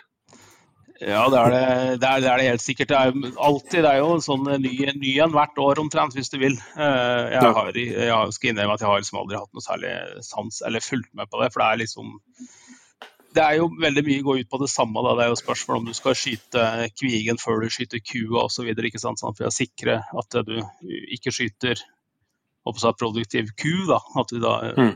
gjør sånne vridninger. Men eh, Nei, jeg har liksom ikke, jeg har ikke, kan ikke alle de navnene på de ulike avslutningsmodellene. Jeg har på en måte prioritert litt den, prøve å gjøre det enkelt og prøve å visualisere hva som er eh, konsekvensen da, til å skyte mye produksjonsdyr, da, og, og, hva som er, er den gode gevinsten med å hente ut mye kalv da, bestand og ta produksjon. Da. Særlig i forhold til vinterbeite, men også da, viktigheten til å ha gode, store produksjonsdyr i bestand. Ja. Men hvis du har et scenario der du kan si at du har en, du har en eh, et bestand som du er fornøyd med, og som er i henhold til, til, til bestandsplanen og, og, den biten der. Altså skal opprettholde den bestanden du har per dags dato. Mm. Hvilken prosent har vi lagt deg på da med, med ja, hanndyr, hodyr, uh, ungdyr, kalv kontra voksen? Nei, jeg ville nok kanskje ha vært så, så, kjedelig at det hadde blitt, som jeg sa, egentlig da 15 eh, okse eh, og 15 på, på ku. Eh, men jeg liker jo da vi tar litt Vi ser ofte at det detter veldig mye piggokser, ikke sant? så vi får da fort en skjevhet i, i bestanden. da, Så du legger da en, da, en prosentbegrensning på piggoksen. Så det er derfor piggoksa er en kviga? Ja, Uh, skyte kvige er jo alltid kjempelett å vite hva som er kvige, helt til du er i kikkertsikte og er på det er da man begynner å tenke seg to ganger. Piggokse er jo lett, Det hender seg ikke den er piggokse heller, etter den er døtter, men uh, det er da i hvert fall lett, lettere å kjenne igjen. da. Så, uh, men å sette en, en, sette en, prosent på den, da, la oss si liksom maks 20% da, kanskje på, på piggokse, 15-20 pigg, da. og resten kvig og kalv. Da. da tenker jeg at du har på en måte da gjør du ikke noe gærent, i hvert fall. Samtidig som at du tar vare på produksjonsdyra dine. Uh, jeg, jeg, mener det er veldig viktig å ha størst mulig gode kapitale produksjonsdyr. Ja. Mm. Jo... Hvor uh, avgjørende er liksom den kjønnsprosenten da, altså i, i, bestand? Nei, Den er jo veldig viktig, den. Altså, jeg er litt sånn gammeldags der òg. At uh, for Jansdal er det liksom 1,8 til 2 kuer per okse. Da. da er du på en måte sikker på at du skal ha bedekning på, på kuene. Ja. Eh, for Du skal på en måte ikke ha for mye heller, ikke sant? for du har hele tida et problem med vinterbeite. da. Så mm. du skal liksom ha den, men da er du sikker på at eh, og Hvis de da oksene du har da, er store, sånn at du kua kommer måte i brunst og tar, altså hun lar seg bli bedekt på første gangen hun løper, da, så har du på en måte jo Da blir jo kalva født før om våren.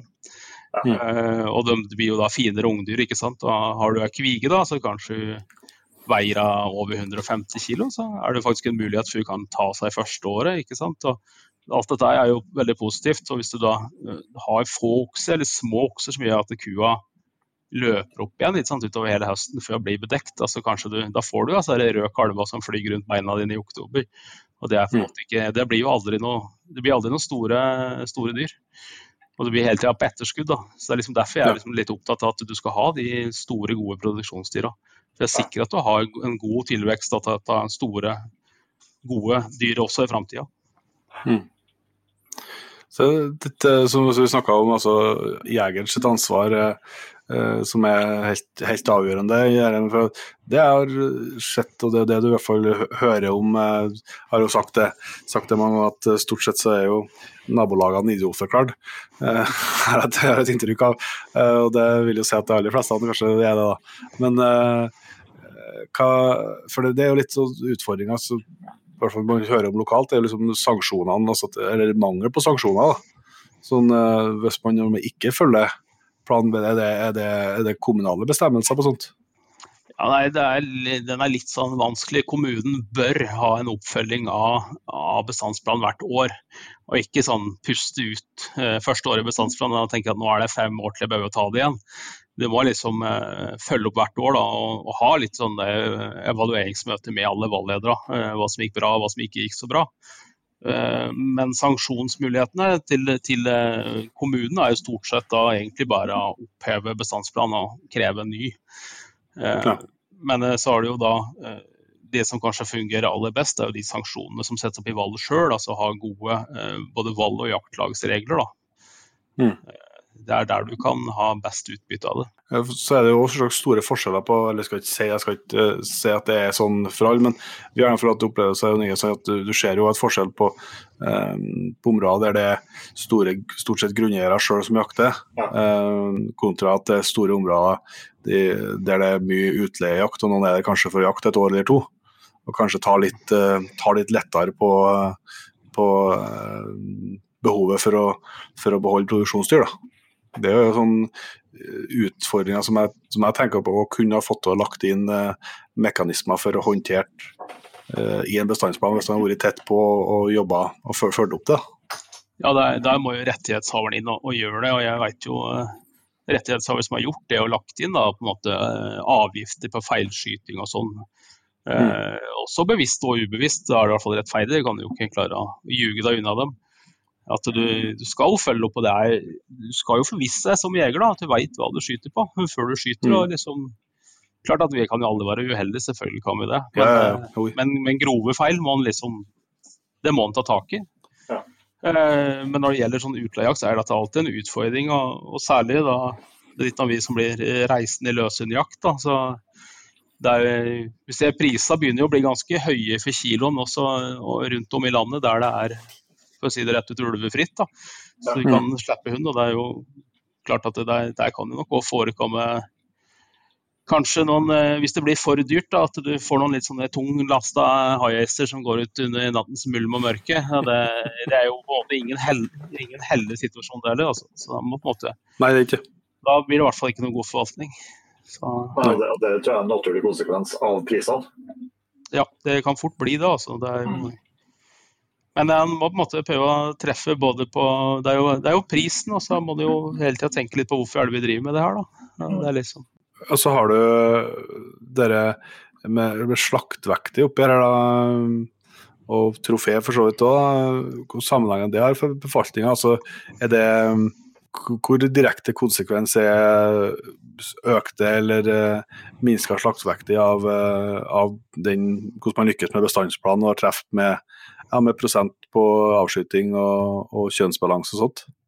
Nei, det er jo veldig avhengig av det. Altså, Trofé er jo litt, litt styrt også av, av arvemateriale, da, selvfølgelig. Eh, men, eh, mm. men hvis vi prater slaktevekter, da, så, så, er jo det nettopp det vi prater litt på i stad. Det med at du sørger for at du har gode produksjonsdyr. og du har da holdt på å si, en, en god fordeling ta, på kjønn og alder der. Eh, og du får, får bedekt kua første gangen hun løper eh, i september, så har du liksom tidlig fødte, da, kalver, så blir de jo store kalver. Da får du kanskje en Si du har en kalv på 75-80 kg da, i, i, oktober, kontra en på, på 40. Eh, når vinteren kommer igjen, så vet du hvem som har det greiest da. Og mm. blir du hengende etter fra starten, så blir du alltid hengende etter. Eh, naturen er nådeløs slik. Jeg har jo, jeg har jo skutt i en rekordelg, jeg òg, må jo skryte av meg sjøl litt. Og det er jo eh, den skjøt til langt ut i november, og det var en enslig kalv. Den veide 27,5 kg. Det er liksom ingen Det er ingen, det er ingen høydere, det. Eh, Nei. Å finne sånn i november. Jeg har jo skutt kalver sjøl som har vært, små, og så kommer jaktlaget og herregud, den her var liten, jeg skulle ikke ha skutt men, men det må jo være fornuftig å ta ut de smådyrene. Absolutt, det er, da du er, det er da du er forvalter, holdt på seg. Det er jo yes. mm det er jo å satse på de, de dyra som kan bli gode. Det er jo liksom litt, litt, som skogbruk. det å tenke på at skal du, skal du, gå inn og gjøre et inngrep, så bør du jo sette igjen det som kan bli bra. Ja. Skal du høste overskuddet, så må du måtte ha tilveksten på det som kan bli bra, og ikke på det som blir, blir dårlig. Mm.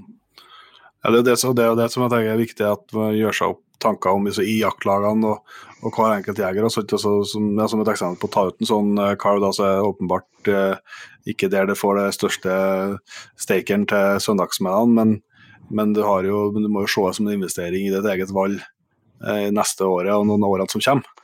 Og der, der, har jeg et lite innspill å komme med. Det var en, en veldig god valgleder i, i kommunen jeg jobba. Han lagde en løsning der han, han holdt igjen fem kalver i en pott hvert i hver, i hver periode der det var sånne små kalver som det som ble skutt, så fikk du bare tildelt en ny. Så da blir det på en måte en premiering eh, for det laget som da skyter ut. Da, for da får du en ny kalv. Hvis du tar en sånn, kall det stygt å si det, men en sånn skrapkalv, da, som, eh, som, du absolutt ikke vil ha, som ikke har noe for seg verken i produksjon i framtida gjør, eller kanskje heller ikke klarer vinteren, så bør du absolutt få tatt ut den. Da. Det er alle mulige grunner til å gjøre det.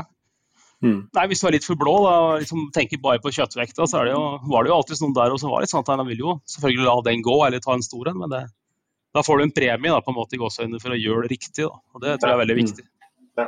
ja, for at det er jo sånn, det har jo, jeg jo tenkt det, det er jo ikke uh, mer enn én gang liksom det når man har gjort det sjøl og sett, sett dem har ligget her. altså Store, fine okskaler f.eks. som i, i oktober, når det begynner å nærme seg jeg var nå på en sånn for noen år siden som, som jeg skjøt i ja, Det var ikke jeg som skjøt den, men jeg tok den til slutt, skal jeg si. Den var jo 100 og, det var, her var i starten på oktober, og da var den 106-67 kilo, tror jeg. Ja, det er. Eh, så da det er klart, og da begynte å få allerede så gode knotter i, i skallen på den. Så det er klart, det er jo et, et dyr som som høyst sannsynlig har både hatt berga vinteren eh, og kunne blitt en flott eh, eksemplar av arten eh, noen år senere. Ja, men det er liksom litt, det er litt vanskelig å tenke den veien nå. Jeg er helt enig med deg, det, ja, ja. selvfølgelig, men det er liksom det i hvert fall å, å, prøve å ta ut det som på en måte ikke er noe å avle på. Da. Hvis en tenker litt fjøs seg, så er det på en måte å ta vare på de gode avlsdyra. Uh, det er mange bra, og så har du i hvert fall de som du ser er dårlige og ikke kommer til å bli bra. De kan på en måte luke ut. da. Det, dere har vel eh, Statskog vet jeg, lagt godt til rette for med nye prismodellene sine, egentlig òg. At du får eh, De blir veldig rimelige, der, de veldig minste. Ja, det var liksom differensiert pris da, ja. Det, det, er veldig bra. Veldig, veldig godt tenkt. Mm. Ja, det er interessant, det men, men, altså, du har jo vært eh, Vi høres jo ut som at vi er litt sånn Men det har jo vært en helt utrolig utvikling, da.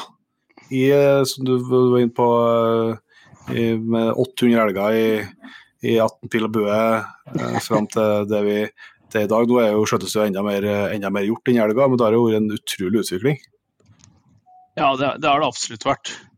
Så det, hva tror du er hovedårsakene til at vi har vært her?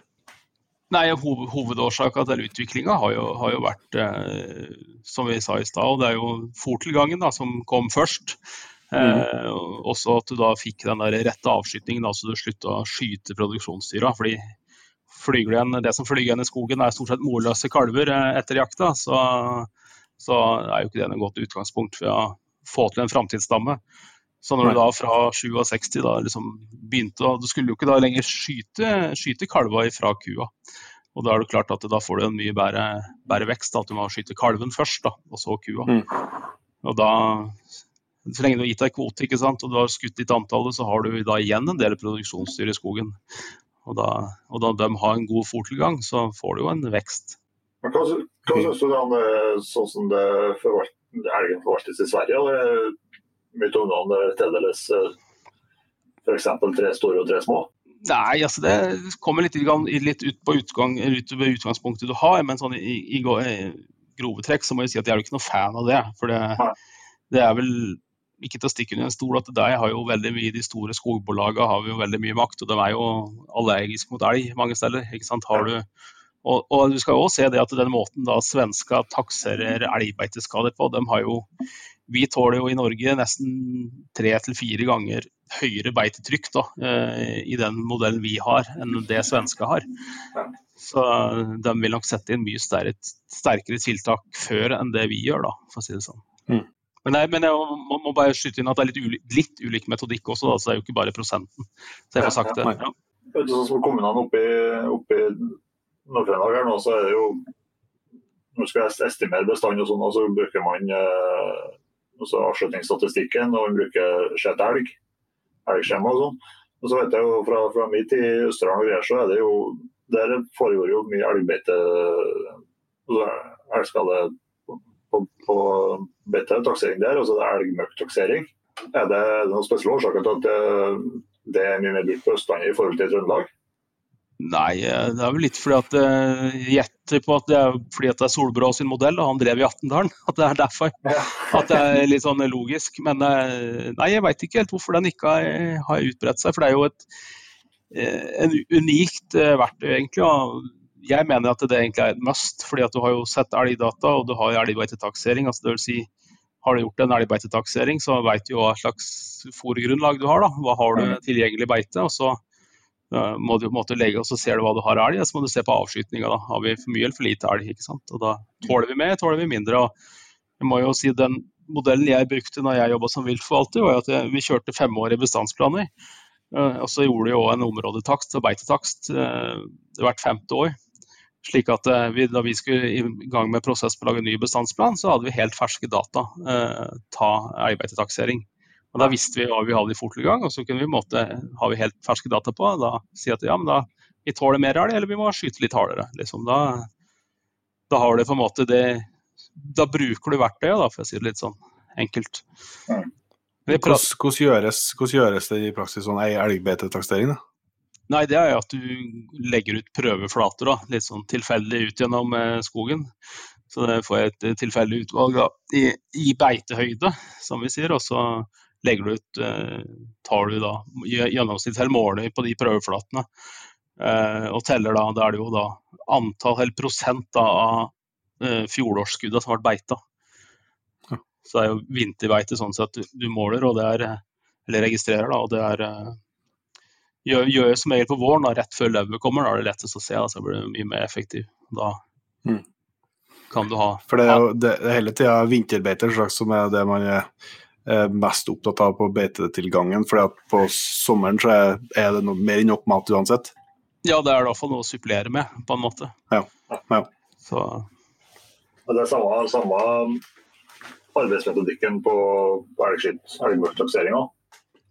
Ja, altså det, det, som, eh, det som gjør eh, altså ren elgbeite, elg, eller ren elgmøkktaksering, det har jeg på en måte ikke vært eh, borti, da, skal jeg innrømme. Men jeg, vi, vi, bruker jo det når de driver med elgbeitetaksering, så registrerer du antall møkkhauger, som er som en sånn indikator på elgtetthet. da. For du vet jo at den skiter jo gjerne elleve ganger i løpet av døgnet om vinteren, ikke sant? og så kan du telle møkkhauger og lage et estimat. Eh, men eh, da vi prater om elgmøkk, så må vi jo dra fram et, et prosjekt de driver med på Evenstad, eh, som jeg syns er på Høgskolen Innlandet. Som jeg syns er suverent. Da vi putta noen viltfondsmidler inn i det en gang, da jeg jobba i kommunen, men så var det litt på vent, og nå er det opp igjen for fullt. Og det er det med DNA-kartlegging med elgmøkk. Altså at du, du plukker elgmøkk, og så klarer du å da legge ut rett, eller da finner du hvor Etter hvert som du får plukka nok over store områder, da, så kan du jo se hva er trekkrutene for elgen. Altså hvor eh, hører denne elgen hjemmefra? Hvor har vi funnet DNA til den før. Altså lage en DNA-bank, og så plukker du sampler, da, og så kan du finne ut trekkrutene sånn sett. Og interaksjon mellom ulike, eller, ulike elgbestander, det er jo kjempeinteressant, syns jeg i hvert fall. Nå at vi mm. begynner litt på det i forbindelse med det grenseviltprosjektet. Da. Da, vi, mm. da, prater vi litt om det med vinterbeite osv. Og, så videre, og utfordringer der. Da. Kartlegge trekkruter. Ja. Det blir litt samme som på, på rovdyrene, da? Ja, vi litt, litt, ja, det blir jo litt av det samme, for så vidt. Ja, ja. Samme. Også, men så er det mer, det er mer skånsom måte enn å drive med peilere og sendere og, og sånn òg. Ja, og så blir det, blir det jo mye billigere, på en måte. Eh, Ja, ja. Krever mye mindre ressurser. Etter hvert som du lager deg på en måte den banken over DNA, da, så har du på en måte, Mm. er det fort gjort å finne ut av det. Ja. Ja. Og så slipper du jo sånn der eh, Innimellom er jo den GPS-merkinga etter slett dyreplageri, har vi jo sett bilder av. Eh, Men det her er så tilbake, altså, det har vært en enorm vekst i hjorteviltbestandene i, i landet. Da. Nå er vel eh, Hjorten er vel altså Det er jo 2013 eller noe, tror jeg at eh, kurvene ble kryssa, at det ble felt mer hjort enn enn elg. Og hjorten er fortsatt på tur oppover, mens elgen har flata ut og kanskje litt på tur ned. Tror du at uh, hvis du skal tippe om framtida her uh, hos, uh, hvor lenge skal det vokse på hjorten, og skal elgen enda mer ned enn den er nå? Eh, På landsbasis så tror jeg at eh, elgen kanskje er omtrent der den skal være. Eh, Men det blir litt sånn magefølelse. da. Mm. Noen steder er det litt tynt, og andre steder er det litt mye til elg også. Men sånn sett er jo hjorten egentlig, da, for det, der har vi jo et litt sånn klassisk eksempel på det med kommunale målsetninger. Om det er det kommunale målsetninger, og blir de fulgt? fordi at den, den skulle jo, Det er jo vedtatt at den skal jo ned, men likevel så vokser jo andelen hjort. Så det er liksom litt den utfordringa er jo da kommunikasjon mellom kommune og, og forvaltning. da. At, det du, at, det du, at den som sitter og holder i, i, børsa, den, den klarer ikke å være enig med den kommunale målsetningen. At vi skal skyte mer. De ønsker jo å ha så store mengder til gjort. Men eh, Mm. Så Det er jo en kjempeutfordring, og hvordan du skal løse den. Det er, eh, det er litt vanskelig. Vi på skogkurs har forresten liksom, vi skissert et lite prosjekt der som vi kan vi drar i gang en eller annen, hvis, vi, hvis det blir interessant. Men det er liksom litt å, å lage en sånn Prøve å få til en annen løsning på hvordan du kan få håper så diskutert det på et, eh, på et ordentlig nivå. Da. At du prøver å finne den løsningen. Hva skal til for at du vi skal nå de måla med å skyte mer hjort og få en sunnere forvaltning der. Da. Ja, for jeg har jo sånn inntrykk av altså Selvsagt det er jo, eh, har det jo skjedd store og bra ting eh, fra 67 eller fra 1800 på forvaltningssida til nå, men jeg har litt sånn inntrykk av det jeg ser sånn lokalt, i hvert fall, eh, som jeg har opplevd da på bestander som, som jeg har sett fra stubbene mine. eh, At, eh, at man alltid er litt sånn på etterskudd. også når, når bestanden er veldig på tur opp, så, så er man litt for treg til å ta i nok. Og når man har kommet da, at man finner ut at ok, nå er det for mye, så, og så man skal begynne å redusere, så, så tar man i eh, for hardt. Altså, eller det er vanskelig for eh, når du sitter på stubben, eh, det er vanskelig å, det er å forstå og ta inn over seg renters rente eh, over noen år. Sant? Og så hvis du ser du skal ned med en eh, hjortebestand eller en elgbestand, da, så eh, du skal begynne å ta ut mer koller eller mer kui, så, så, så skjer det ikke så stor forskjell i skogen året etter, og kanskje ikke året etter det heller. Men fra år tre og fire, når du begynner å få en eh, når renters rente begynner å kicke inn, så kan du plutselig se veldig store forskjeller, og så har man tatt i for hardt. Ja, nei, jeg er jo veldig opptatt av det at du skal jo på en måte ha litt kontinuitet i forvaltninga. Så det er liksom viktig at du, du lager ikke sånne store drastiske mål. At du, eller Måla jo, kan, kan jo godt være drastiske, men til, de tiltakene du gjør skal jo ikke være drastiske. At du da på en måte legger opp til en, eh, en langsiktig forvaltning. Da, så skal du ned med en, f.eks. en elgbestand. Så er jeg veldig tilhenger til at du da skyter en måte, tvers gjennom bestand. altså at Du skyter egentlig i bunn og grunn bare mer elg. Eh, Mm. og du ser liksom, eh, Mange kommuner da, har liksom hivd seg rundt og nei, nå må vi ha ned bestand, så da begynner de å øke på ku og skyte liksom både 25 og 30 og 35 eldre ku sant, i noen år, og så ser de ikke nødvendigvis noen nedgang. da, Så går det tre-fire år, da, så plutselig så har de jo ikke noe særlig kur igjen, og ikke noe annet heller, for det produserer jo ikke noe. Så har du liksom Nei, den er veldig farlig, for den er, da får du den der jojo-forvaltninga. Så sparer du masse Mm. ku, da, så da har du vært vant til at det har vært så lite ku. For det er jo det du husker òg, ikke sant. Sitter du i hjernebarken Ja. vi har så lite ku, så vi sparer det vi ser.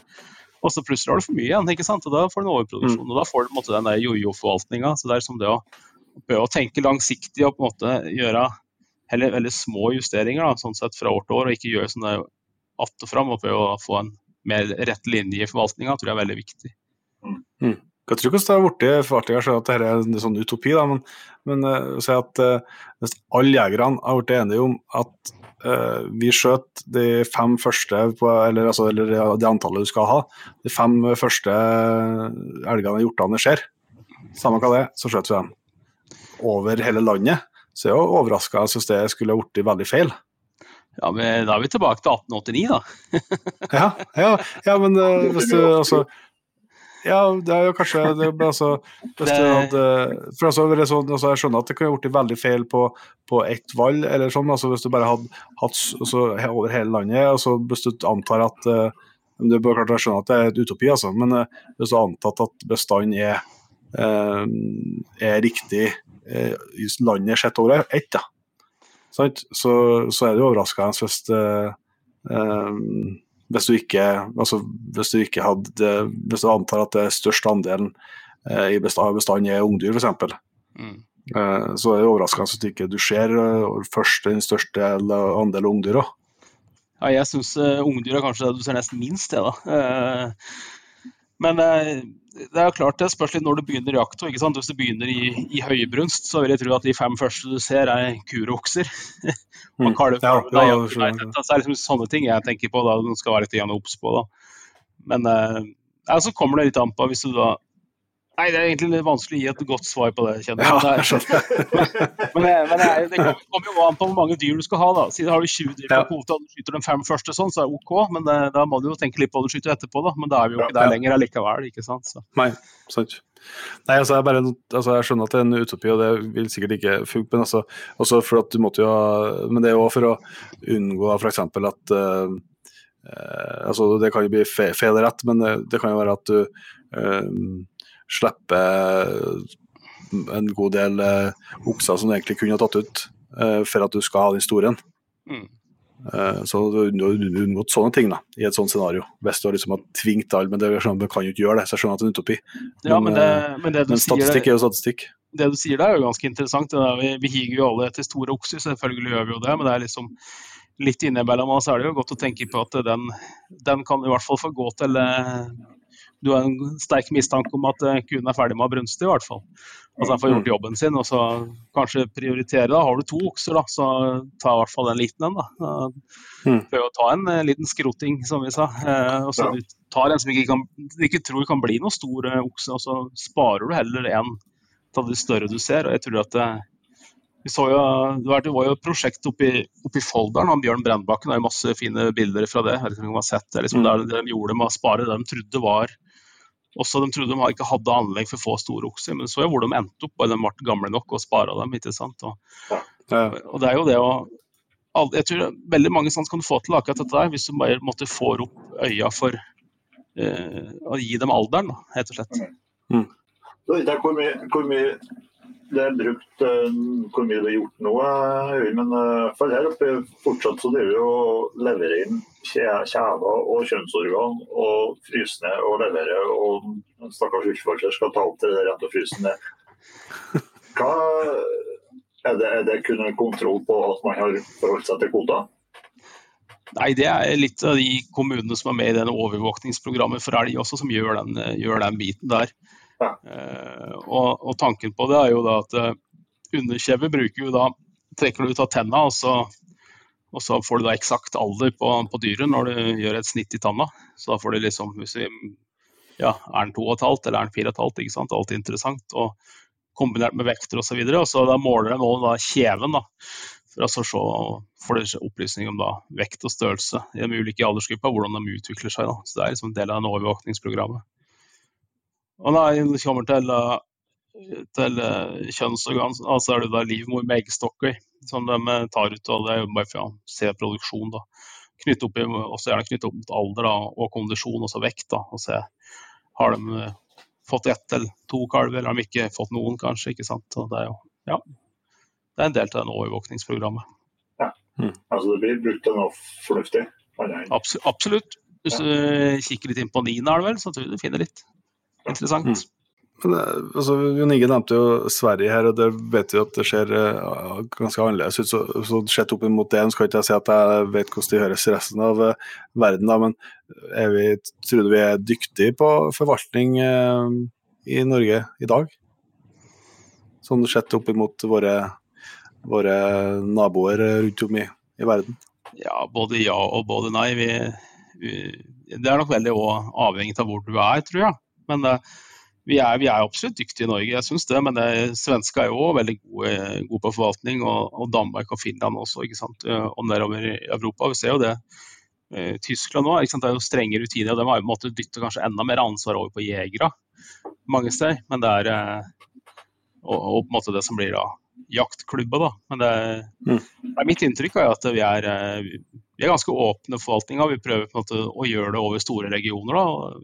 Jeg, jeg syns vi er gode. Vi alle, alle har jo forbedringspotensial, men i bunn og grunn så Noen utfordringer er det selvfølgelig, men det, det må vi ha. Skulle ha litt Men det, hva, hva, hvis du Øyvind, har fått uh, vært sjef over hele landet, her, da? hva er det du hadde ønska at vi skulle ha blitt flinkere til på i nær framtid? Nei, da blir det jo litt å, å gjenta det jeg har sagt to ganger før. Men eh, tredje gangen så blir det kanskje gjort et eh, poeng ut av det, så det er bra. Der får vi det med oss. og Det er jo nettopp dette med kommunale målsettinger. Eh, at det blir gjort en skikkelig prosess rundt dem, og at de da blir brukt og fulgt opp. Og også fulgt opp av kommunen underveis i prosessen, og som hele tida kan korrigere og, og, følge med på at den er riktig ut ifra utviklinga i bestand. Uh, og vi ser jo bare for et par dager siden nå så var vi på en skogdag oppe i Trysil og pratet litt om elgbeite og liksom da verdien på elg kontra skog. Eh, du bør liksom ikke lage en diskusjon om vi skal ha skog eller elg, for vi skal ha begge deler.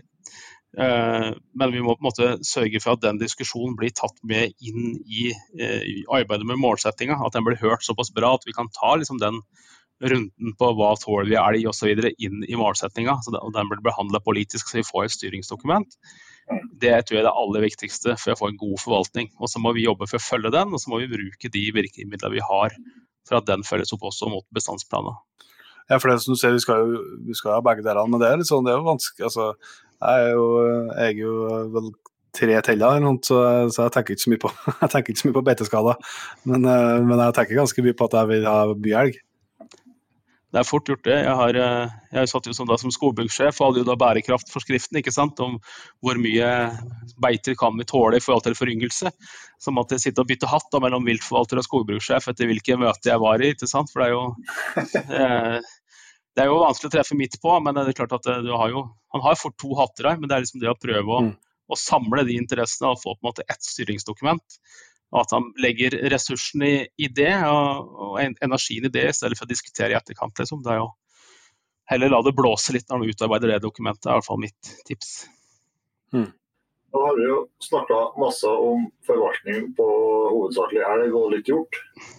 Uh, rein blir jo noe en helt egen sak for seg sjøl, men enn det siste hjortedyret vårt, eller rådyret, hvor Der er er ikke noe mye snakk om mye, noe mye forvaltning. Kommunalt i hvert fall. Nei, dessverre. Og det er jo litt sånn Det blir jo lillebroren her, da. Eh, ja. Men jeg ser jo da jeg, jeg brukte, brukte, noen timeverk på mine år som viltforvalter på å prøve å legge til grunn for å samle da rådyrvalla inn i større valg og forvaltningsområder. Eh, for det du ser der, er jo at eh, du har veldig mange enkeltdyrsvalg. Eh, har du endelig fått samla grunneierklæringer nok til ett dyr, så vil du jo ikke slippe det så lett. Eh, og det blir jo fort at avskytinga blir jo sånn i bukkejakta, så detter er jo primært bukk, da. Eh, og nå får du det heldigvis. Eh, når du kommer deg til 25.9 og du skal få lov til å slippe hund, da, da får du jo ikke alltid du får det, da, for da har du elgjakta som er prioriteten. ikke sant? Og så spørs det hvor mye mer det blir jakta. da. Altså, kommer du litt på jul, så blir det noe dyrt her, men du får jo ganske stort uttak av hanndyr i bestand. Så, nei, det er liksom det å prøve der å tenke forvaltning, for det blir nok ikke gjort. Det blir sånn enkeltdyrsforvaltning. Så, mm. så ser du liksom den Og så ser du trafikken òg, vet du. Du får en sånn god indikator med, fallvilt, med fallviltstatistikk der, da, og du ser antallet påkjørsler nesten overstiger det som blir tatt ut i ordinær jakt. Da ser du at det er på tide å ta ta noen grep. Men det er ikke alltid lett for kommunen, det heller. Men det, jeg tror at uh, alle som jakter, om det er elg eller rådyr eller hjort, har liksom litt ha har igjen for å prøve å samarbeide, altså lage litt større forvaltningsområder og da faktisk eh, gir slipp på det ene dyret du har, da, mot at du da kan drive forvaltning. Du får likevel jakte på det dyret, det er ikke at du gir slipp på det, men du gir liksom de gir andre da muligheten til å være med inn og mene noe om forvaltninga. og Det tror jeg, tror jeg er mm. veldig viktig. Skal han få til noe. Ja, altså, og Mange plasser er det bare fritt. altså det, så det, det finnes ikke noe tall og kvoter for det hele tatt. Det er bare det er fritt, men det er jo ikke et tegn for at det er så veldig mye, kanskje det andre veien at det er ganske lite. Så at man ikke, ikke har eh, lagt noe bereisning og ressurser i, i, det, i, å sette opp noe, noe, noe grunnlag der. da. Nei, altså lov, Lovverket ved tildeling til rovdyr også, så er det jo ikke noe krav om at du skal dele på alder og kjønn. Så det er tildeles som, liksom, som antall dyr. da. Så det der må liksom på en måte Forvaltningsinitiativet må nok komme fra rettighetshaver eller jeger. skal du liksom oppnå mm. det. Eller gjerne kommunen òg, selvfølgelig. Men eh, jeg har jo som sagt, jeg har prøvd litt, og det, du steinhogger litt der. Det, altså, det er liksom ikke noe lett, den. Det blir jo veldig, veldig, mange å forholde seg til, og det er jo som regel ikke de samme som jakter elgen. ikke sant? Så da Nei. har du på en måte ingen inngang til å få til den diskusjonen som du kanskje har i forvaltninga på andre måter. da. Det jeg synes er veldig altså, altså, det, det, det, som er interessant, altså, jeg, jeg, tror jo bare at det er sikkert å komme. Altså, du sa, sa, jo du sant at uh, vi kan liksom synes nesten det høres litt sånn uh, voldsomt ut at de på slutten av 1800-tallet bare skjøt den elgen de så innenfor de dagene de hadde. Uh, det er jo er strengt tatt det vi gjør på rådyr ja, i dag, sant. og så vil kanskje om 10 år eller 50 år eller 100 år noen dag podkast og si at herregud, for noen steintullinger i 2021 som bare plaffa ned rådyrene de så, liksom. Jeg setter på spissen nå, altså, men, men, det er jo, et, det er jo, det er litt så, det er jo sånn bilde på eh, tror jeg, at hvordan vi jegere og forvaltere og mennesker utvikler oss. Eh, så at det, vi, det er jo en grunn til at det kom krav om ettersøk på, på elg før det gjorde det på rådyr. Eh, altså vi, det, vi, har liksom størst eh, fokus og respekt eh, eller kan man kalle det, for store dyr, selv om det egentlig ikke burde ha vært sånn. Vi burde hatt det for, for, eh, for alle. Altså vi, det, det, er dyr vi snakker om, om det er om det er små rådyr eller store elger. Ja, og der, der, må jeg få skyte inn en liten sånn kjepphest. og Det er jo da du sier ettersøk og ettersøk på rådyr. Du ser jo det hvor mange ettersøk eh, Hvis du sitter som viltforvalter, da, så skal du på en måte motta ettersøk. Da, eller altså varsel om ettersøk hvis det du ikke har funnet dyret ved jaktslutt første dag. Da, eller mørkets fremmed mm. første dag. og Da skal jeg tenke deg jo, det ender seg. Det er jo, det er jo alltid ikke nok som rapporterer på elg og, og hjort heller. Det er jo, kunne alltid vært flere, selvfølgelig. Gjort det riktig. Men på rovdyr, da, som det er så mange jegere, hvor mange får du? Det er nesten ingen, ikke sant. Jo så jeg har jo med han godeste Alfred Dagsen min, da, så har vi noen ettersøkskontrakter også på, på hjort og bukk. Da. Så er det jo alltid sånne spørsmål eh, Nei, hjort, så unnskyld, på, på rådyr. Eh, primært i bukkjakta. Og da er det sånn spørsmål ja, hva skal du ha for det? Altså hva koster den kontrakta? Jeg tar bare et par-tre, altså jeg skal liksom sikker på at jeg råder med det. Men da er det sånn derre nei, så jeg skal ikke ha noe for det. Eh, det eneste jeg skal ha for det, er at du ringer hvis du har skutt i og det ikke går bra. Så ringer du. Mm. Eh, altså, jeg sier ikke strengt, men det er, liksom det, det er betalinga nok da, for, å si det sånn, for at vi skal prøve å lære folk til å gjøre det. er riktig. da.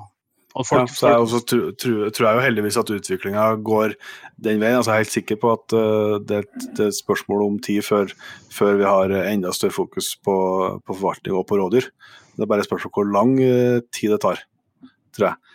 Uh, for det, er det jeg ønsker velkommen til for min del. Altså. Jeg tenker at det fortjener eh, rådyrene absolutt tenker på, på jo, Altså, dere går jo helt sikkert litt på, på status, sånn, så vi ser jo hvor, vi, hvor mye innsats man legger ned på ryp f.eks., som tross alt er et mindre, et mindre eh, dyr, et mindre individ, men i kroppslig størrelse, men som kanskje har høyere status. og Derfor så er det større ressurser i sving på, på takstering og, og legge til rette for å vite mer om bestanden der. Ja, jeg kan, kan, jo snu litt på det. Jeg er jo eh, kanskje banner litt i kirka akkurat nå, skjønner jeg. Men det er, sånn som rådyr forvaltes i dag, da, så, så, har jeg jeg har sagt at eh, det hadde egentlig vært minst like ålreit eh, i forhold til alt byråkratiet om da rådyret faktisk skulle ha blitt forvalta som småvilt. Altså at de gir da ansvar for forvaltninga direkte til rettighetshaver, sånn som de gjør på mm. rypa. da. Ja. Og så plasserer du ansvaret på en måte der det egentlig hører hjemme også. Men slik som det er i dag, så mm. er jo det på en måte det, det som skjer allikevel. Så hvorfor skal det på en måte lage byråkrati ut av det. Men, det er greit. Men vi skal jo uansett forvalte det, for vi ser jo da rettighetshavere er jo veldig opptatt av forvaltning, så lenge du har en enten du jakter på, på egne dyr i egen skog, eller, eller Statskog er jo også måte opptatt av at du skal gjøre ting riktig. ikke sant? Så det, Mm. Jeg tror vi, vi, kommer tilbake til Jegerpodden da. Ja. Men uh, vi har nå i hvert fall fått uh, spurt om mye av spørsmålene som vi hadde Inge, på det som går for forvaltning, og fått forhåpentligvis tetta noen Det er helt sikkert flere hull som ikke er tetta, ja. men har fått, fått tetta noen i hvert fall.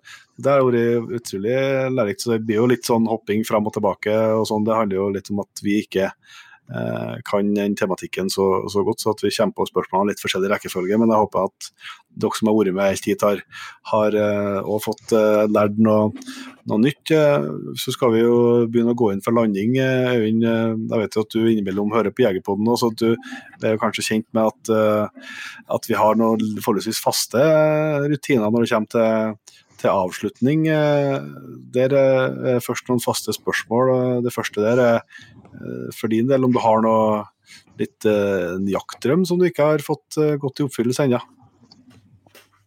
Nei, jeg har jo fått ja, jeg, jeg, er litt sånn kjedelig der òg. Jeg, er liksom sånn at jeg, jeg, liker godt den der nordiske jaktformen. Ja, at vi, vi, jakter sånn som vi gjør her i Norge. Mm. Så, men det er, den største jaktdrømmen må jo da egentlig være å kunne jakte i et litt sånn i et uh, bra elgterreng med en god tetthet uten trafikkerte veier og rovdyr i nærheten, så du kan på en måte slippe hunden og bare nyte det. Mm. og jakte elg i et sånt område, det tror jeg er desidert høyest på ønskelista. Det er jaktdrøm, altså. Mm. I los for Laikan, da, selvfølgelig. Ja, selvsagt. Ja, men det er jo en god jaktdrøm som er mulig å oppnå. Ja, jeg, ja, det er artig om man kunne fått til det. Satser på det en gang. Velkommen til Trøndelag, sier jeg bare. ja. Nei, jeg sier bare takk, jeg. nei, nei. Snakkes sammen. ja. um, hvis jeg skal litt inn på utstyr, da. jeg hørte at uh, du, har, uh, du, er glad i skjøtevåpen. Um, hvis det er noe utstyr du skal trekke fram som du er veldig godt fornøyd med, som du har kjøpt eller fått den siste tida, eller noe, har du noen gode tips der? Ja, jeg må jo si at det eh, siste året så treffer jeg omtrent akkurat for at jeg kjøpte meg en uh, tracker Artemis. Uh, det var, uh, det var revolusjon litt fra Garmin som jeg har drevet med før. Da. Og det, det er både også det litt, litt at jeg syns at den Jeg skjønte det i forhold til dem som jakter med tidligere modeller, eller Supra. at det, den har jo, virker som den fungerer litt bedre der det er litt dårligere dekning. Så har du litt sånn litt begrensa telefondekning, så fungerer den helt ålreit. Og der du har telefon, så er det jo helt supert. Mm. Men eh, jeg blir jo så de kjører med Garmin allikevel, selvfølgelig. Men det er jo et kjempeverktøy, syns jeg. Mm. Jeg som er litt redd for hunder og vei og sånn, så er det helt topp. ja, ja. Det er helt uh, uvurderlig, rett og slett. Hvis du skal få en uh, forvalters uh, beste jakttips, da? Ja, det er sette seg inn i målsettinga. Nei.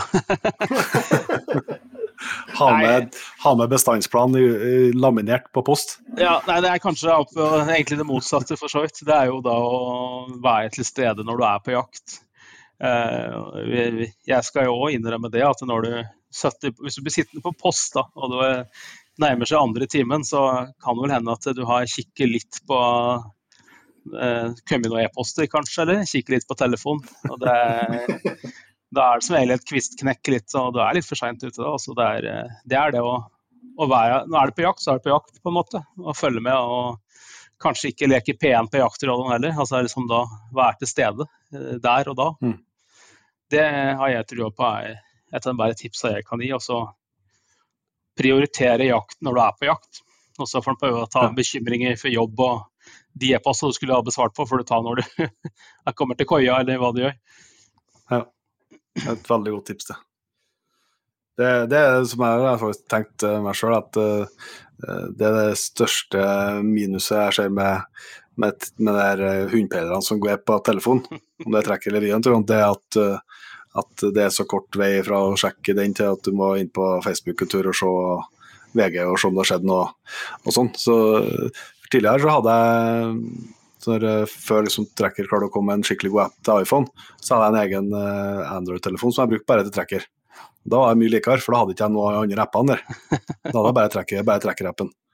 Eh, Så det er faktisk et veldig godt eh, tips. Ellers så kunne jeg bare ha kjørt flymodus, men da Ja. blir det jo for lite hundepeiling. Ja, det gjør du. Nei, jeg har jo du, du kan jo fortsatt ha to telefoner. Vet du. Ja, det kan jeg, men det var såpass mye styr ellers med å komme på Jeg har mer enn nok med å forholde meg til å lade én telefon. sånn.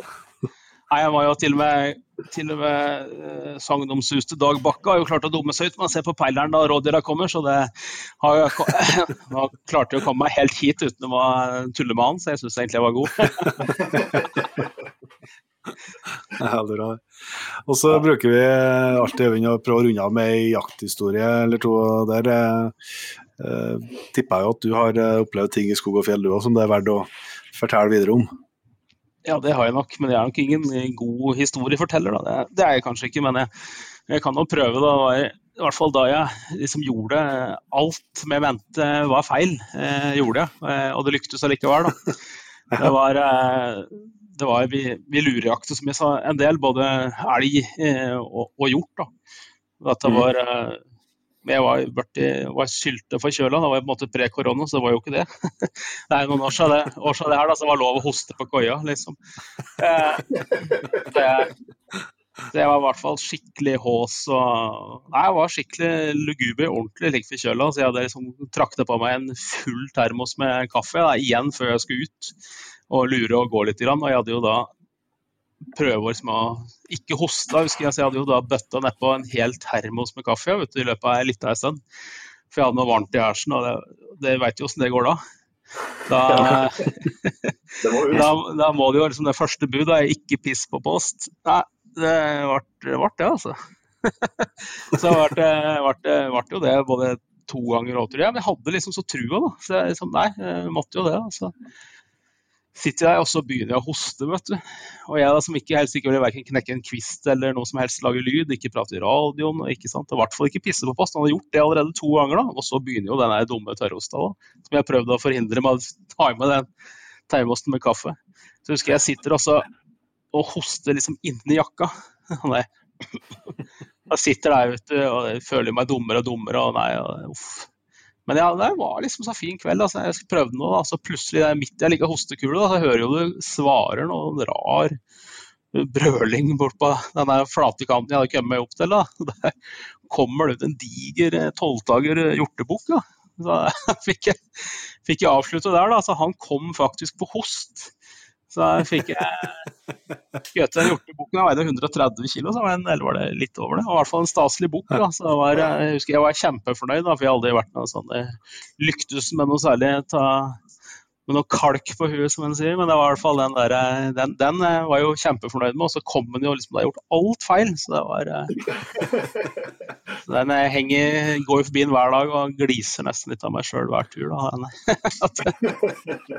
Det var det første, første her er noen som har hosta inn en tolvtaker, gitt. Ja, det var eh, Det må du prøve.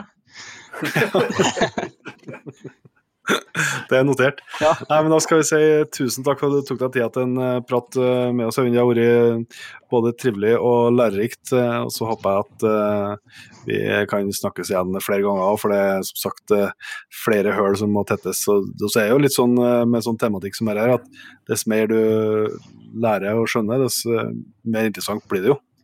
Så, så det er nok eh, ting som er, er usnakka ennå. Nei, Det var kjempehyggelig å være med. Takk for det. Det var Øyvind Juliussen fra Skogkurs.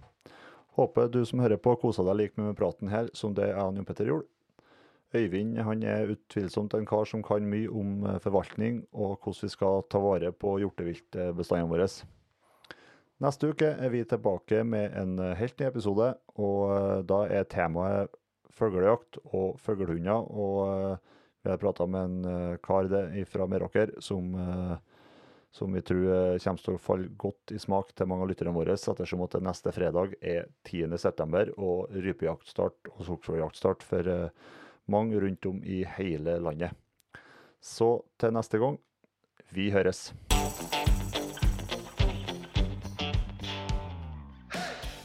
Tusen hjertelig takk for at du valgte å bruke litt av tida di på Jegerpodden. Sjekk ut jegerpodden.no eller eh, din favoritt-podkastspiller for enda mer innhold og flere episoder. Følg også Jegerpodden på Facebook og Instagram, og ikke minst, husk å fortelle alle gode venner, familie og tilfeldige forbipasserende om Jegerpodden, sånn at vi får spredd det glade budskap videre. Vi høres.